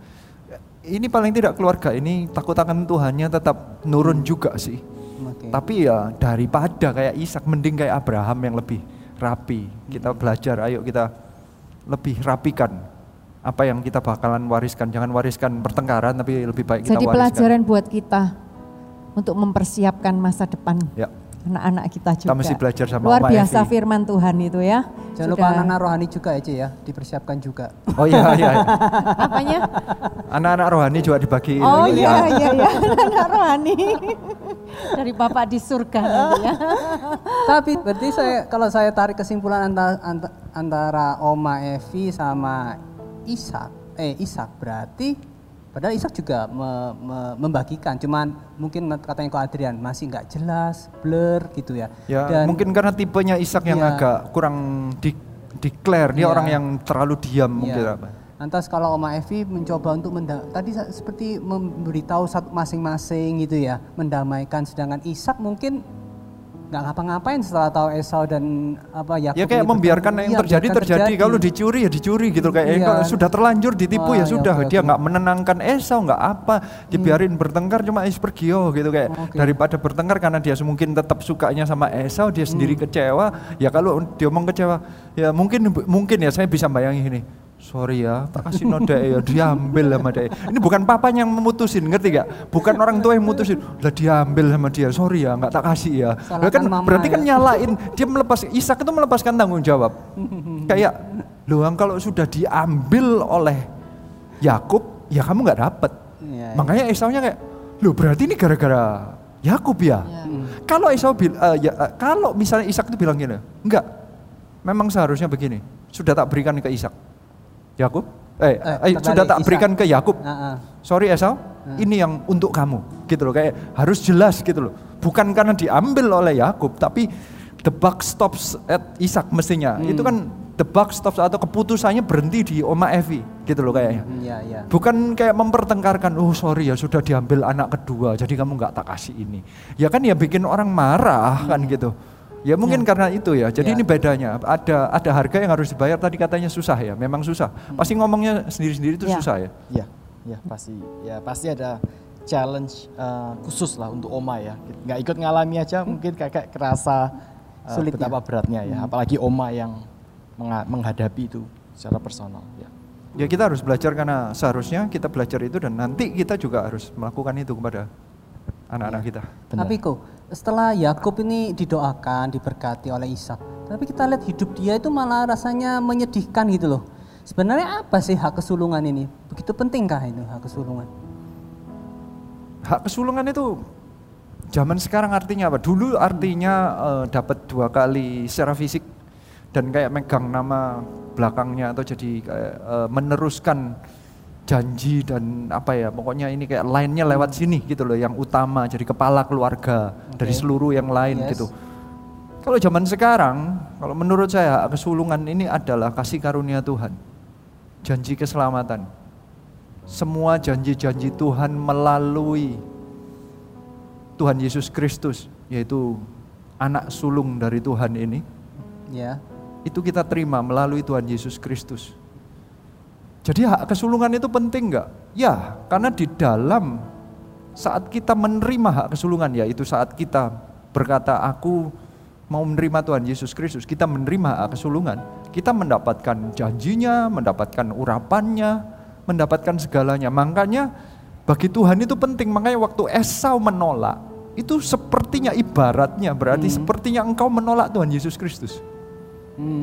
Menolak apa pun yang rohani, menolak apa pun yang janji Tuhan, dia kayak dia nggak dianggap. Dalam bahasa Indonesianya katanya Esau me- menjual hak kesulungannya Yes. demi sepiring makanan, sepiring kacang merah. Bahasa Inggrisnya itu katanya despise. Hak kesulungan, despise itu seperti membenci. Hmm. Hak kesulungan itu artinya adalah apa pun yang ada janji Abraham yang akhirnya melalui Tuhan Yesus Kristus itu kalau kita menolak Tuhan Yesus Kristus, makanya kita membenci Tuhan Yesus Kristus. Makanya ada ayat yang berkata God loves Jacob, God hates Esau. Esau. Karena bukan membenci Esau, tapi membenci siapa pun yang membenci Tuhan Yesus Kristus. Anak sulungnya. Hmm, Oke. Segala yang ikut dengan anak sulung ini semua haknya itu kalau menolak kasih karunia Tuhan, menolak berkat Tuhan, menolak kerohanian, ya itulah makanya disebut eh, Esau itu cabul, penuh kedagingan. Hmm. Dia tidak mau memikirkan yang rohani, hal-hal yang rohani, apa pun yang dari Tuhan. So, hak kesulungan itu sangat penting. Tapi saya percaya, makanya hak kesulungan itu bukan mengenai fisik, karena hak kesulungan yaitu sesuatu yang ada di dalam Tuhan. Kayaknya Elliot dan Debbie ini, thank you ya, mau ke sini. Elliot, Mereka punya Debbie. cerita yang ada kemiripan juga sama Yakub juga. Anda juga memikirkan mengenai hak kesulungan juga gitu ya. Coba ceritakan coba. Ya, eh, ceritanya Yakub sama Esau ini ada eh, kemiripan ya sama kehidupan saya. Eh, jadi eh, saya dari kecil itu kan eh, udah ditinggal sama papa. Nah, dia sama eh, dia punya keluarga baru. Jadi eh, tapi saya di sisi di di sini saya ini posisinya sebagai anak sulung. Nah, tapi saya nggak pernah dapet eh, fasilitas-fasilitas yang fasilitas-fasilitas yang eh, di- yang seharusnya didapat oleh anak-anak sulung. Eh, bahkan saya ini harus eh, tinggal susah berdua sama mama dan eh, kalau kalau saat pandemi kayak gini, ak- ya saya nggak tahu sih kehidupan papa dengan eh, adik adik tiri saya sekarang bagaimana tapi saya yakin kehidupan mereka fine fine saja di masa pandemi ini karena ya mereka eh, termasuk orang yang eh, sukses seperti itu. Nah justru di masa-masa seperti ini saya harus mengalami eh, saya dan istri kita harus mengalami kesusahan finansial yang cukup dalam sampai eh, jadi kita baru mulai eh, usaha. Nah, usaha ini baru aja mulai, terus tiba-tiba masuk ke pandemi. Jadi kita sampai nggak tahu, aduh ya apa ya, udah baru mulai, belum belum eh, penghasilannya masih belum gimana, tapi eh, u- ada ada kejadian seperti ini. Terus eh, saya tanya tanya diskusi sama istri, bagaimana ya atau kita pinjem bank aja gini gitu. Terus eh, terus habis itu kita eh, sempat eh, konsultasi sama Ko Adrian juga, terus juga ikut krisis finansial yang eh, apa waktu itu yang yang pertama yang awal-awal yang untuk CGL aja. Nah terus habis itu Ko Adrian terus bersikukuh kalau misalnya kita eh, apa pun kejadiannya, eh, apa pun masalahnya kita jangan hutang, kita harus tetap tetap eh, apa bergantung hanya pada Tuhan. Jadi kita uh, juga sama istri juga berdoa dan ternyata nggak lama uh, usaha kita ini benar-benar diberkati Tuhan. Jadi usaha yang baru saja kita itu uh, perintis uh, ada partner juga yang Tuhan tuh kirimkan seorang partner untuk merintis bersama. Nah itu tiba-tiba uh, sama Tuhan dilipat gandakan sampai 5 sampai 6 kali lipat Wow. dan kita tuh sampai nggak Di perlu masa pinjam pandemik ya, di masa ya. pandemi dan kita uh, di tengahnya itu sebenarnya kita masih ada hutang sama saudara dan saat ini kita sudah bisa membayar uh, hutang itu pada saudara jadi uh, Wow. walaupun saya nggak dapat secara fa- fasilitas anak sulung itu secara fisik tetapi aku percaya ketika kan di dalam keluarga juga saya termasuk yang awal-awal mengenal Tuhan nah Yes. aku percaya bahwa Oh, oke. uh, berkat yang Tuhan berikan itu jauh lebih berharga daripada berkat fisik yang mungkin aku dapat secara fisik gitu. Tapi karena aku, aku ini dapat uh, berkat yang tidak terlihat dan itulah yang tetap bisa membuat aku bertahan walaupun di masa pandemi yang yang banyak orang bilang susah seperti itu. Kayaknya mirip banget ya ceritanya. Karena setahu saya Esau itu secara di dalam ceritanya kalau saya baca ulang ini Esau itu jauh lebih mapan daripada Yakub. Yakub itu harus pergi cari kerja sendiri gitu ya Hmm. kayaknya ya. S- sedangkan yang terima kelihatannya yang terima hak kesulungan itu adalah Yakub. Tapi kalau secara fisik kelihatannya kayak Esau yang lebih mapan. Tapi di titik-titik di mana yang dibutuhkan, Yakub selalu ditolong Tuhan. Dan itu yang terjadi pada Anda ya. Amin. Ya. Ternyata hak kesulungan itu munculnya waktu Anda sudah nggak punya bantuan dari tempat lain. Selama Anda setia kepada Tuhan, saat itu juga muncullah penyertaan Tuhan. Ya.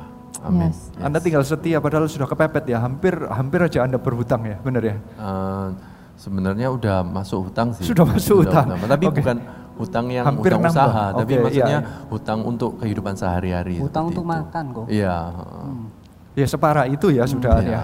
Tapi ternyata dari sana dengan meningkatnya itu Anda sekarang sudah nggak perlu hutang sama orang ya? Hmm, enggak. Sudah keluar dari hutang. Ya sudah. Puji Tuhan. Puji Tuhan, Tuhan luar Jadi biasa benar-benar sama kayak Yakub juga akhirnya sepertinya kayak utang sama Laban dan akhirnya dia keluar dia sudah independen ya. Iya. Secara keuangan ya. Bagaimana menyesakkan saat itu waktu pandemi itu eh, kehidupan kalian? Eh, kalau Sampai- untuk hmm, sampai menyesakkan mungkin, happy. pada saat itu, Hmm. ya pada saat itu ada tambahan lagi mungkin istri saya bisa.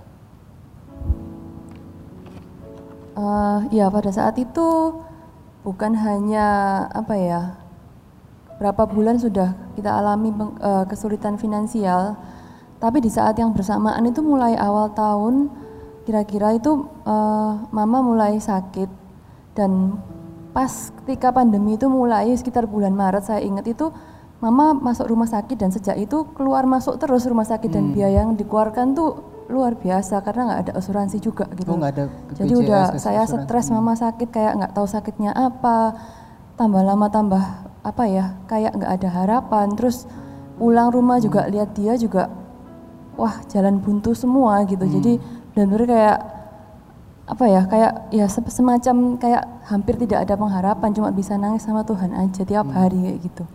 Penuh sesak dan Iya. dan kapan itu yang waktu ikut apa krisis finansial Eh, Oh, yang bulan bu- bulan Ju, bulan Juni itu yang Dan- awal-awal yang sama CGL saja nah, itu. dan kok Adrian bilang Kalau nggak tanggal 5 6 Juni ya. Soalnya Iya. saya Iya, ingat 5, tiga 6 harinya Juni ada tiga finan- harinya itu How ada to manage order. financial crisis Iya waktu itu. Nah terus soalnya saya waktu itu saya cek lagi WhatsApp, eh ternyata tiga hari kemudian setelah itu eh, ordernya itu datang. Jadi saya lihat WhatsAppnya. wow tiga hari setelah Iya, ikut itu Iya, jadi Tuhan Tuhan tiba-tiba langsung ngasih tahu, memang kamu nggak perlu berhutang gitu. Soalnya kayak Hmm. Tuhan langsung ngomong kayak gini, aku yang memberkati kamu. Itu yang aku dapat kayak wow, ternyata memang Hmm. yang apa yang memberkati kita tuh bukan orang tua, bukan siapa tapi Tuhan sendiri gitu. Hmm. Itu yang kayak wow. Kayak janji yang Yakub terima, aku akan menyertai Yes. engkau. Kayak Tuhan membuktikan dan itu terjadi. Di titik-titik yang paling sulitnya, Allah muncul dalam kehidupanmu dan itu terjadi ya. Saya Ya itulah. diceritain sih dengan lengkap bisnisnya mereka waktu itu Yes. pertolongan dari Tuhan dan menurut saya benar-benar dan tidak bisa ditolak maupun diragukan bahwa itu benar-benar Benar datang Tuhan. dari Tuhan karena Tuhan, itu bisnisnya Tuhan. ini bisa pas momennya itu ya Pas. eh, munculnya bu- yang dibutuhkan di masa pandemik ini Hmm. gitu loh kayak Tuhan benar-benar ngasihkan hikmat kepada mereka bisnis so masuk oh ini gitu loh. Hmm. dan eh, begitu banyak orang-orang yang order di luar dugaan mereka sampai mereka harus eh, mendatangkan produknya itu dalam jumlah yang besar dan kami diceritain Dan bagaimana Luar biasa. perlu utang tetap bisa terbiayai, benar ya? Karena bayar di, Nah, itu yang luar di depan. biasanya. Iya betul, soalnya yang bu- buat luar, luar biasa itu adalah eh, customer ini adalah customer baru yang belum kenal kita tapi dia berani mempercayakan uangnya kepada kita. Jadi mereka itu sudah istilahnya bayar full eh, dan akhirnya kita tuh barangnya telat datang juga dan mereka tetap percaya.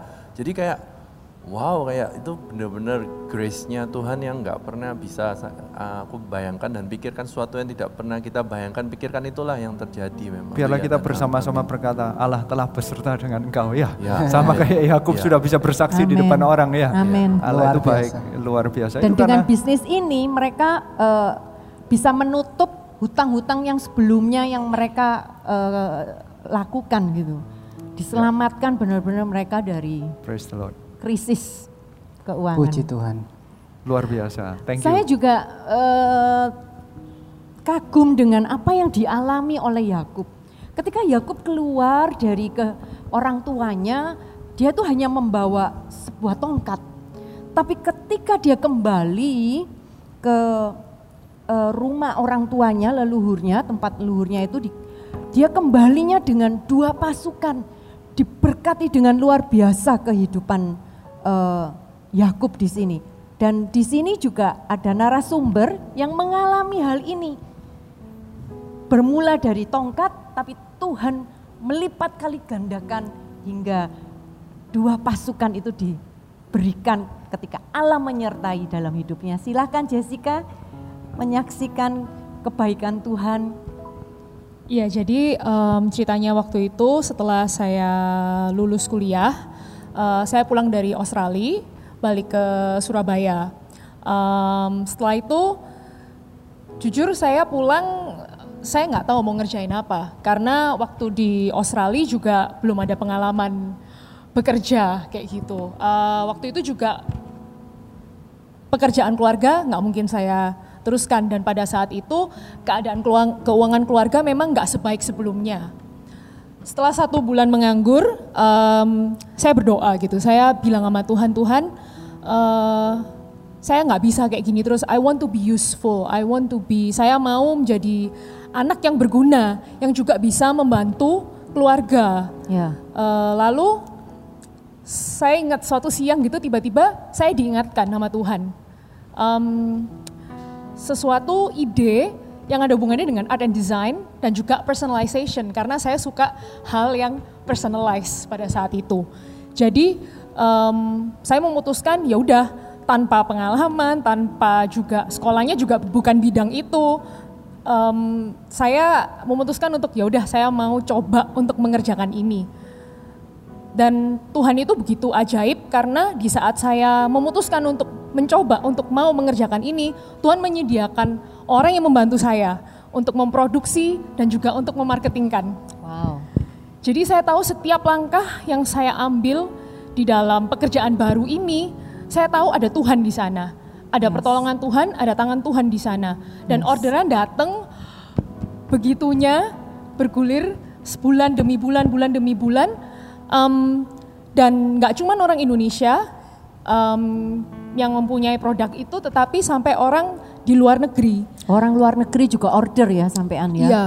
Dan juga sempat saya juga ada suatu hari saya terima email, saya nggak kenal orangnya siapa, saya nggak kenal, nggak ada hubungan apa-apa sama orang itu. Tiba-tiba orang itu email dan minta untuk uh, produk saya dimuat di majalah um, yang cukup terkenal di Australia waktu itu. Dan dengan tanpa biaya. Jadi saya tahu semua itu um, Free publicity. Iya. Dan saya itu semua itu karena pertolongan Tuhan dan um, semenjak itu juga kayak the growth has been growing so much sampai um, 20 kali lipat. Dan saya tahu itu bukan karena kekuatan Hmm. saya, itu. Ya. bukan karena 20 kali kepintaran saya.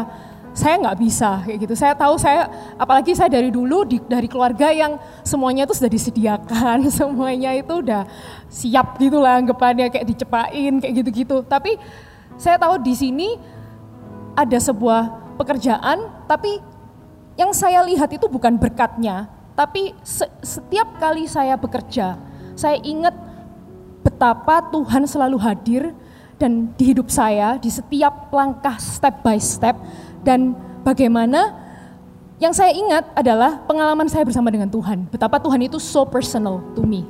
Especially to me. Nggak cuman kepada saya dengar tapi I actually have. Saya um, nggak cuman mendengar tapi saya merasakan dan saya punya yes. pengalaman itu wow. dengan Tuhan. Dan saya saya ingat ada yang cerita mengenai dahulu Anda juga sepertinya bingung mengenai hak kesulungan atau berkat sama ya, ya kan. Dulu kan Anda juga bingung. Saya yang orang percaya dulu keluar Kristen dahulu di keluarga ya, salah satu yang ya, percaya pertama ya. ya. ya. Tapi gara-gara itu Anda juga diselamatkan. Anda sendiri dulu juga pernah menerima berkat doa kalau nggak salah ya. ya. Jadi um, sebelum saya balik, jadi waktu itu saya balik bulan Desember. Itu bulan Oktober, waktu saya masih sekolah di Australia. Um, Pastor Philip datang ke Australia pelayanan dan waktu di saat pelayanan itu, um, saya datang kepada beliau untuk minta didoakan. Terus beliau tanya, e, mau didoakan apa? Saya bilang terserah. saya bilang terserah kayak gitu. Terus akhirnya sama Pastor Philip didoakan, um, Lord give this girl a fresh anointing. Tuhan berikan anak perempuan ini um, urapan yang baru. Waktu saya didoakan seperti itu saya nggak ngerti. Saya pikir kok pendek banget ya doanya. Terus saya pulang, saya pulang dan ya melalui semua perjalanan ini, tetapi di saat saya melalui, saya diingatkan oleh doa itu. Saya tahu bahwa ini karena urapan Tuhan. Yes. Ini karena pertolongan Tuhan, karena penyertaan Tuhan. Itulah yes. hak sulungan yang engkau terima. Waktu engkau terima Tuhan Yesus dahulu di keluargamu itu hak kesulunganmu. Waktu engkau terima doa itu engkau terima hak kesulunganmu. Bentuk hak kesulungannya itu yang banyak di antara kita yang nggak nggak sadar manifestasinya itu belum tentu terjadi besok langsung dapat apa gitu tapi ternyata dalam tahunan ya itu akhirnya tujuh tahun lebih ya itu sekitar delapan tahun setelah didoakan itu uh, tujuh tujuh tujuh, tujuh tahun, tahun setelah tahun didoakan 8, iya. itu ya. dan akhirnya anda bisa bersaksi bahwa itu memang karena urapan Tuhan puji Tuhan ya. Allah itu begitu baik ya luar biasa ya. wow asik memang ya kita membahas mengenai Yakub ini aku ya. Wah, kita thank you sekali untuk Koko dan JC yang mengajak kita membaca Yakub. Dari Yakub ini kita banyak sekali merasakan kesamaan. Ya kita ini juga rasanya juga orang yang nggak sempurna, tetapi Yakub ini contoh dari kita waktu kita baca itu sepertinya membaca sebuah kesaksian sangat orang, relevan dengan iya, hidup dengan kami kita ya. ini dan melihat bagaimana Tuhan tetap memberkati seperti ceritanya tadi Koko itu. Ya, uh, thank you dan dan juga satu yang saya lihat, kenapa kok orang Yahudi disebut sebagai orang Israel, bukan orang Abraham. Ternyata Tuhan memilih Israel, orang yang seperti kita-kita ini sebagai simbol dari umat pilihannya gitu. Wow. Tapi ini kok, saya ingin terakhir, pertanyaan terakhir aja kok ya. Kita lihat bahwa uh, hidupnya Yakub ini kompleks sekali dari dulu sampai sekarang. Banyak sekali karakter-karakternya rasanya kasihan sekali. Lea, Esau, nggak tahu Esau gimana ya kok ya. Tapi uh, dan menurut pada akhirnya men, menurutku Adrian ini gimana kok melihat akhir dari perjalanan Yakub ini? Dan juga tadi kok sempat ngomong mengenai battle ya, um, ya, ya. mengenai battle. Ya memang kalau mau cerita ini Uh, ini cerita yang kompleks. Yes. Uh, keluarga yang tadi saya sebutkan mulai dari Ishak ya ada kelemahannya, Ribka ada kelemahannya, Yakub ada kelemahannya menipu, Esau ada kelemahannya kedagingan. Uh, semua ini mestinya semestinya keluarga Kristen semua. Hmm. Tapi di tengah-tengahnya akhirnya keluarga ini bisa dipakai sebagai tetap yaitu Allah Abraham, Allah Ishak, Allah Yakub. Yes. Allah itu loh nggak malu mengakui dirinya sebagai Allahnya Yakub. Yakub itu loh artinya penipu konotasinya hmm. ke penipu. Allah itu tetap menerima kita apa adanya. Hmm. Ternyata akhirnya tetap di sampai terakhir dia masih mengakui dirinya sebagai Allahnya Yakub termasuk Yakub. Yes. So memang ceritanya rumit bahkan cerita mengenai Esau Ada orang yang berkata, kok nggak fair, Esau yang mestinya lebih tua kok nggak dapat. Yes, yes. ha.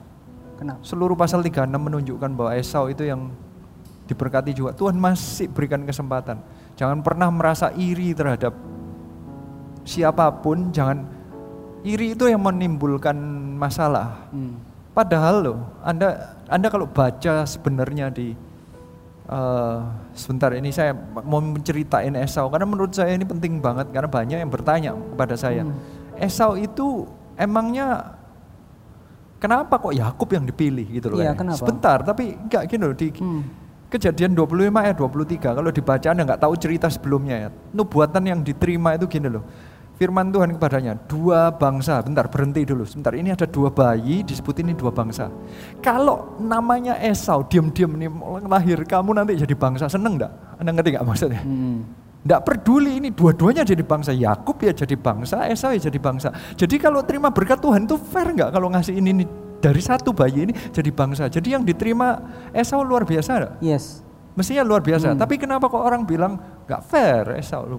Dia lo jadi jadi bangsa beneran Allah itu tetap menjadikan di pasal 36 the whole pasal itu istrinya isinya adalah menjelaskan Esau itu ngapain aja anaknya siapa saja Hmm. urutannya ada ada keluarga E- dia jadi bangsa Edom jadi bangsa Amalek bangsa apa aja bahkan ada kata-katanya ini aja deh di 36 ayat 7 sebab harta milik mereka terlalu banyak sehingga mereka tidak dapat tinggal bersama-sama dan negeri penumpangan mereka tidak dapat memuat mereka karena banyaknya ternak mereka berarti Esau itu kaya enggak? Ya kaya Kaya. dua-dua mereka termasuk Yakub termasuk Esau sama-sama kayanya bukan hanya itu ada sebutannya begini ayat 31 di 36 semua ya pasal 36 inilah raja-raja yang memerintah di tanah Edom sebelum ada seorang raja memerintah di atas orang Israel jadi yang jadi raja duluan yang jadi kerajaan duluan adalah Esau Esau.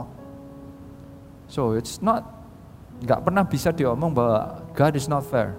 Waktu mempelajari Yakub, saya berkata saya mengambil kesimpulan Allah itu baik. Hmm. Orang separa Esau masih tetap diberkati.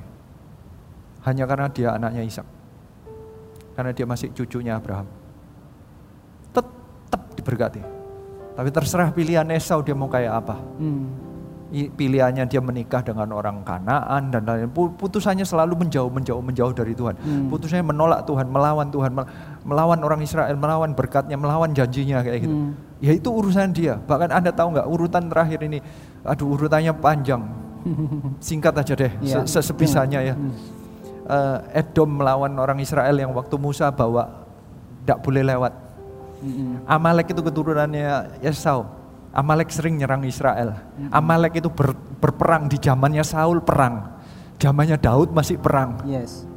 Dan ternyata di zamannya Esther itu Haman itu keturunannya Agag. Orang Amalek juga mau menghancurkan Israel.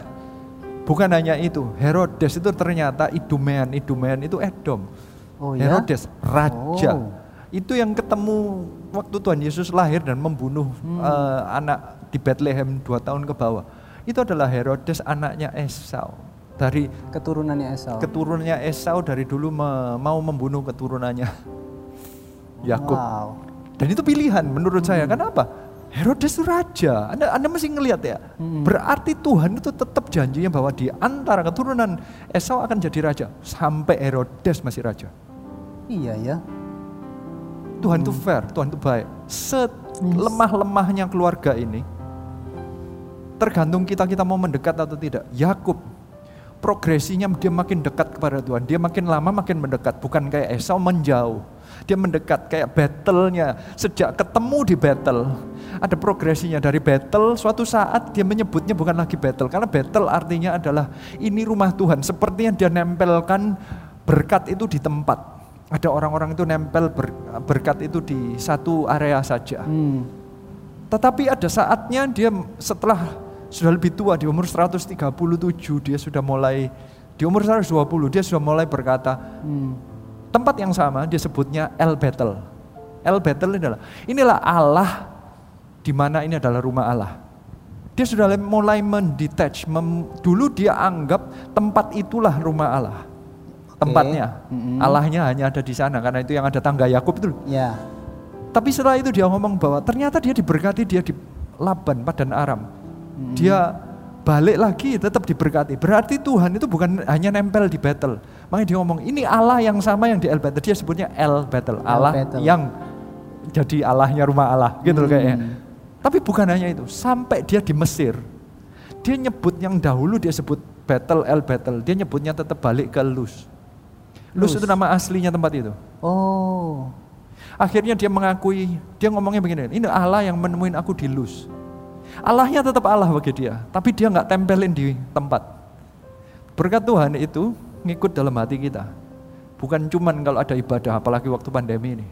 Anda pikir kalau Anda ibadah di rumah, online gitu, hari Minggu, Anda nggak terima berkatnya. Allah bukan Allah yang nempelnya hanya di tempat ibadah saja, tapi di mana pun Anda berada selama Anda memiliki Tuhan. Seharusnya kayak Wow. begitu. Battle itu begitu penting. Ini progresinya. Lu battle tetap penting. Battle itu adalah kisah mula kasih mula-mulanya dia. Battle bagi Petrus adalah eh, di Danau Galilea di kapal perahu itu. Battle kasih mula-mulanya Paulus adalah waktu ketemu Tuh- Tuhan di Damsyik, jalan perjalanan ke Damsyik. Kasih mula-mulanya Musa adalah the burning bush di Gunung Sinai. Setiap orang seharusnya punya kasih mula-mula, tapi jangan mendewakan kasih, hanya kejadian itu karena Allah adalah Allah yang ikut di dalam hatimu. Tergantung Anda make it, make it personal apa enggak. Dalam kondisi apa pun, di mana pun Anda berada, Allah akan tetap menjadi Allahmu.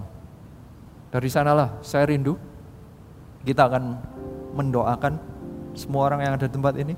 Saya rindunya, mari kita nyanyikan lagu, satu lagu dulu. Kita akan merenungkan Allah yang baik ini.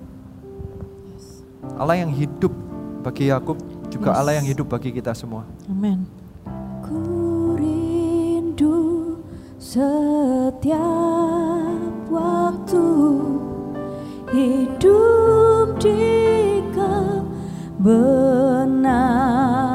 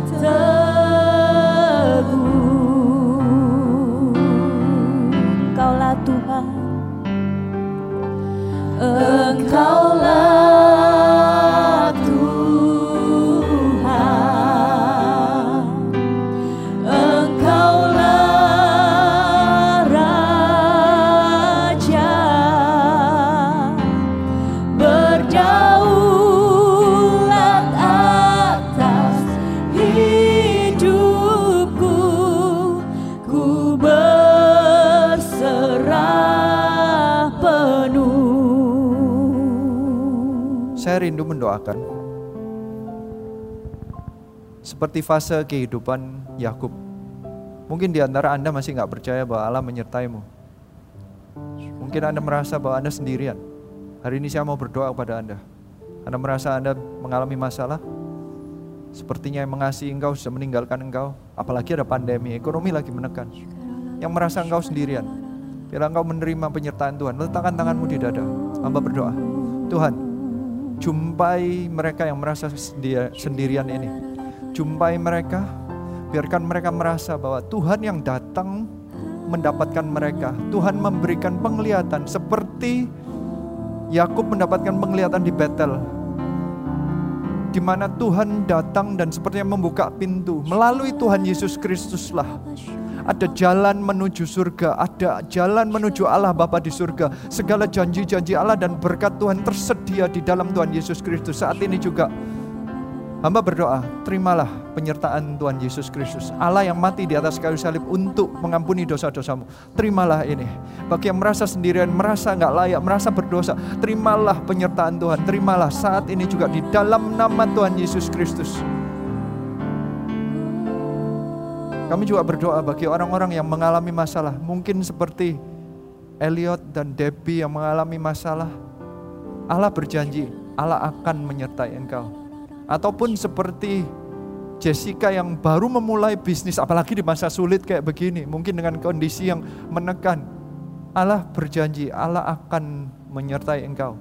Sama dengan janjinya di Matius 28 yang berkata, jadikan semua bangsa muridku.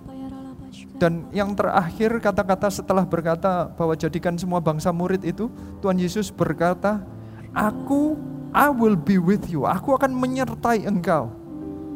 Biarlah saat ini hamba berdoa, Terimalah Allah Immanuel, Allah yang akan menyertai engkau di masa apa pun, di masa engkau lagi kesulitan. Biarlah engkau terima saat ini juga breakthrough di dalam nama Tuhan Yesus Kristus. Kalaupun itu breakthrough seperti yang di uh, uh, masalah hutang seperti Eliot, engkau terima breakthrough di dalam nama Tuhan Yesus Kristus.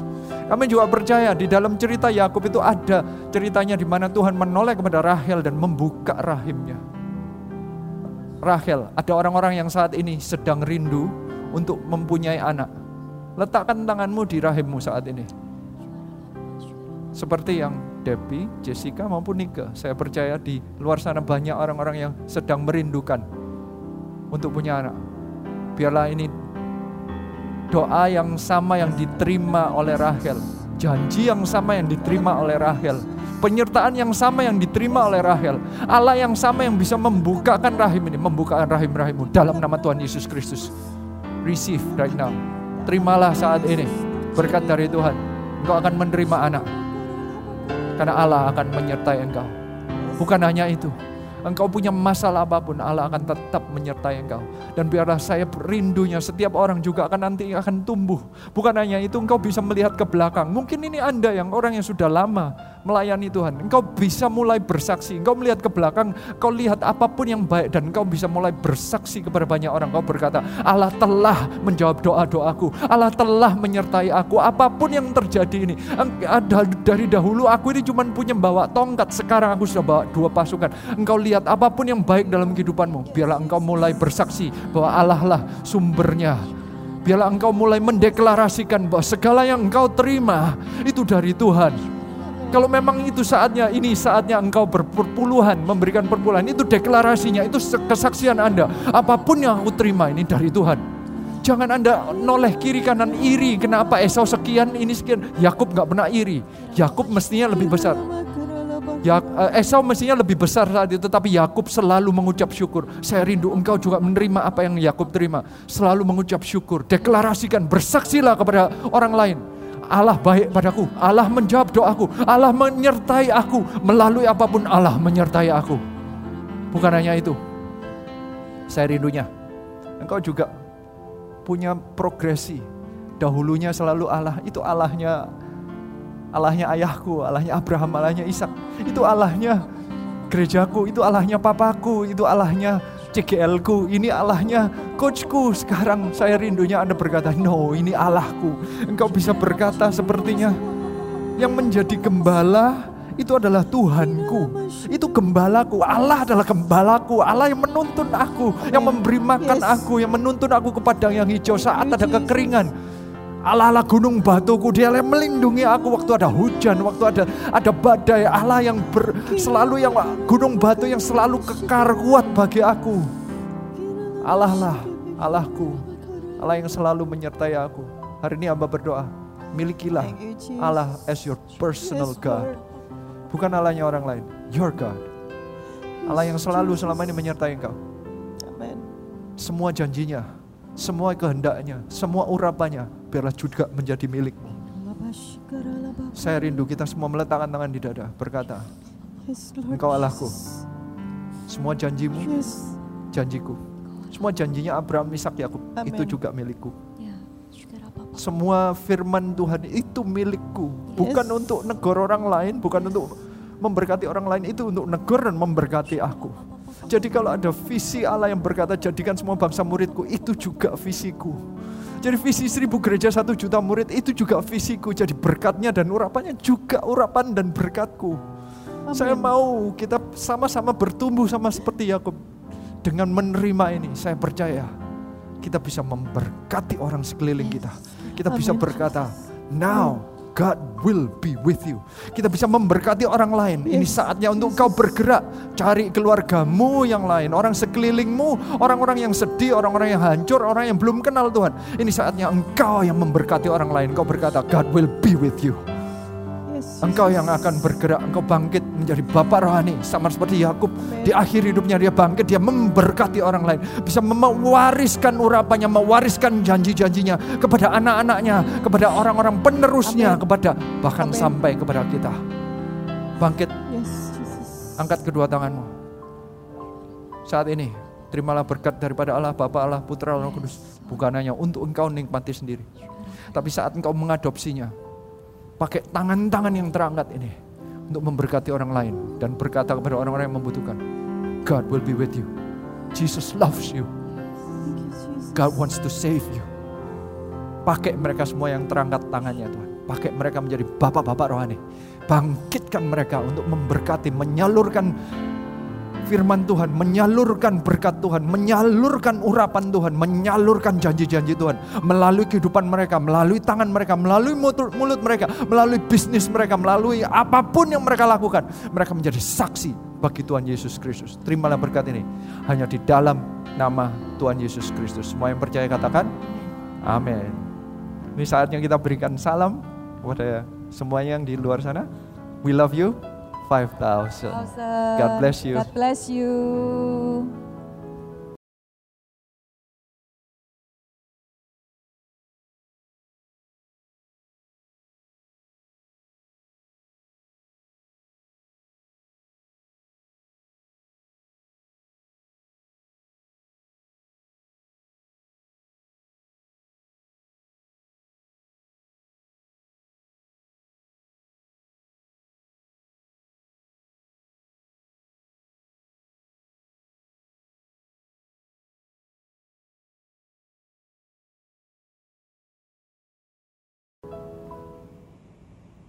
Shalom. Hari ini kita belajar tentang Esau dan Yakub. Bagaimana Esau tidak memperhitungkan atau menganggap remeh hak kesulungan. Dia memilih sup kacang merah dan dia tukar dengan hak kesulungan. Hari-hari ini dunia juga menawarkan hal yang sama buat kita. Apakah kita lebih memilih sup kacang merah dan menukar hak kesulungan kita. Mungkin ini bukan berarti keselamatan yang kita tukar, tapi kadangkala hal-hal yang sederhana seperti contohnya damai sejahtera versus pengendalian diri. Seringkali kita tukar. Kita lebih memilih untuk meluapkan emosi nafsu kita. Hawa nafsu kita seperti Esau. Kita menukarkan damai sejahtera yang kita miliki yang seharusnya kita pertahankan. Mari kita sama-sama merenungkan peristiwa Esau dan Yakub ini supaya kita juga boleh belajar dan lebih berhati-hati dalam mengambil keputusan. God bless you.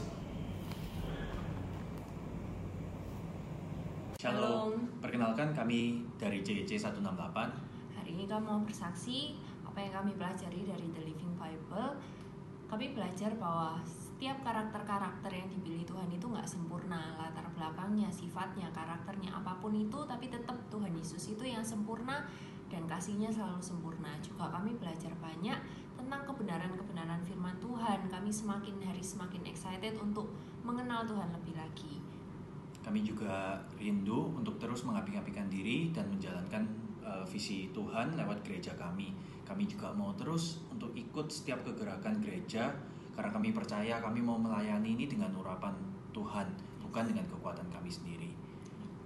Terima kasih, Tuhan Yesus memberkati. We love you 5000. Shalom, saya Antoni dari CGC 191. Di sini saya akan membawakan firman Tuhan dari rema yang saya dapat di Kejadian pasal 37. Ada dua hal yang mau saya garis bawahi di sini. Yang pertama adalah dikatakan bahwa Yakub itu mencintai Yusuf lebih daripada anak-anaknya yang lain. Menurut saya ini adalah suatu hal yang wajar, lumrah karena kenapa? Yusuf ini perilakunya sangat manis. Dikatakan di pasal 37 ini Yusuf itu disuruh untuk mencari saudara-saudaranya oleh Yakub untuk mengecek keadaannya baik atau tidak ke Sikem, tapi ternyata sampai di sana Yusuf tidak menemukan saudara-saudaranya itu. Tapi Yusuf tidak pulang ke rumah. Dia berusaha gimana caranya bisa menuntaskan tugas dari Yakub itu sampai harus berjalan jauh lagi sampai ke Dotan. Ini menunjukkan betapa Yusuf itu punya sikap hati yang tanggung jawab. Makanya nggak heran kalau Yakub ini begitu mencintai Yusuf. Seharusnya wajar ya kalau Yakub itu mencintai Yusuf karena perilakunya juga demikian baik. Tetapi seharusnya sebagai seorang ayah, Yakub juga harus bijak. Gimana caranya? Yakub tidak boleh memperlihatkan rasa cintanya kepada Yusuf itu yang melebihi saudara-saudaranya yang lain, sehingga tidak menimbulkan kecemburuan sosial di antara Yusuf dengan saudara-saudaranya. Karena di ayatnya yang keempat dikatakan, maka bencilah saudara-saudaranya kepada Yusuf setelah mengetahui, mengetahui kalau ayahnya itu mencintai Yusuf lebih daripada yang lain. Menurut saya, seharusnya Yakub bisa membuat Yusuf ini sebagai teladan gimana caranya membuat saudara-saudaranya yang lain itu bisa belajar dari ya, e, Yusuf apa yang dikatakan oleh Yakub itu seharusnya dengan bijaksana bisa membuat saudara-saudara yang lain ini meniru Yusuf. Itu semua peran seorang ayah yang bisa menjadi seorang leader yang baik. Yang kedua adalah ketika Yusuf itu bermimpi dan tiba-tiba Yakub itu menegur Yusuf di depan saudara-saudaranya dikatakan sama Yakub, mimpi apa mimpimu itu? Masakan aku, ibumu dan saudara-saudaramu yang lain itu menyembah engkau? Nah, seharusnya kalau memang Yakub itu uh, tidak berkenan dengan apa yang dikatakan oleh Yusuf, seharusnya dia menegur empat mata. Dan lagi karena kalau misalnya ini adalah mimpi dari Tuhan, alangkah baiknya kalau Yakub itu waktu itu meskipun dia belum mengetahui kalau itu dari Tuhan ya, seharusnya Yakub tidak langsung menegur tapi coba ngomong empat mata, lalu coba diajak doa bersama Yakub dan Yusuf ini seharusnya menurut saya harusnya demikian. Tapi karena Yakub ini ada mistreatment terhadap Yusuf, sehingga terjadilah hal yang kita tahu sama-sama, Yusuf dijual oleh saudara-saudaranya yang lain. Inilah pentingnya sosok seorang ayah yang bijaksana, yang bisa mengambil keputusan yang tepat dalam setiap kondisi. Tentu saja kuncinya adalah selalu dekat dengan Tuhan agar roh kudus selalu membisiki kita dengan hal-hal yang tidak mungkin kita tahu semuanya, tapi Roh Kudus itu yang bisa terus menuntun kita dalam segala hal.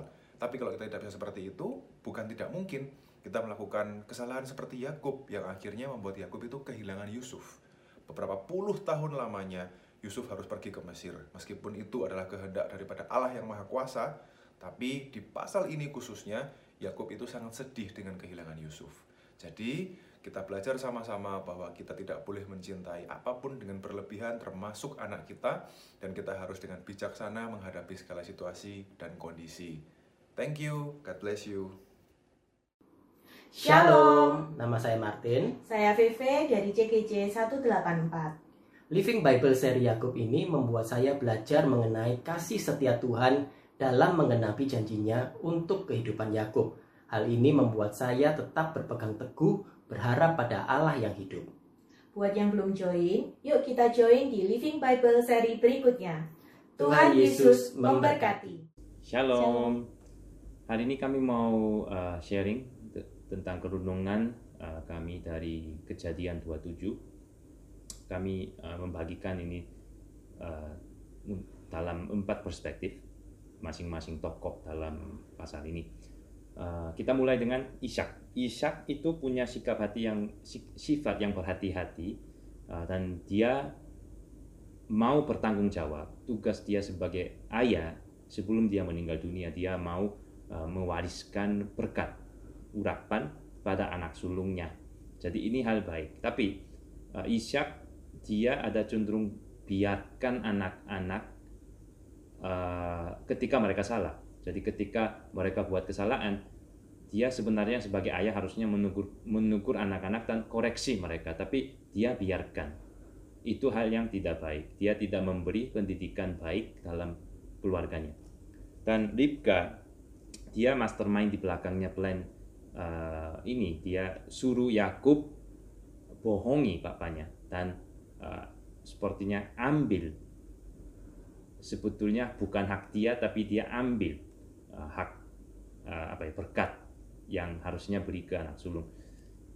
Uh, Ribka punya sikap hati yang memfavor atau lebih suka satu anak lebih dari yang lain.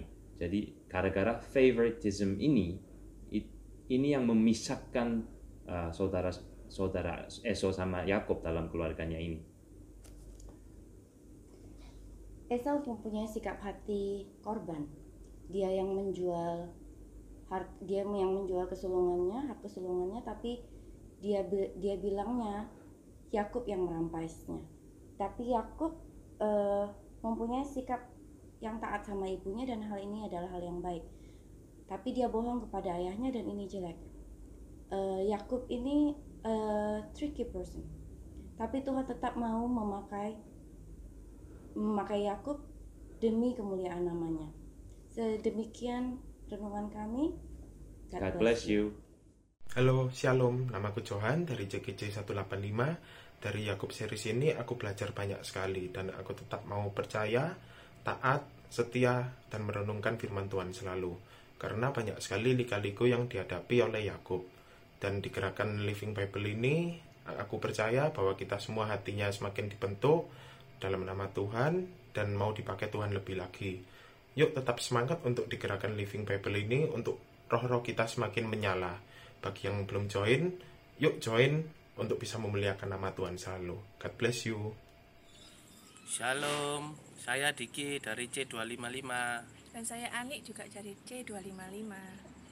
Kami sangat bersyukur dan senang mengikuti Living Bible tentang Yakub ini. Di mana Yakub itu seorang yang licik, yang bisa diubahkan oleh Tuhan.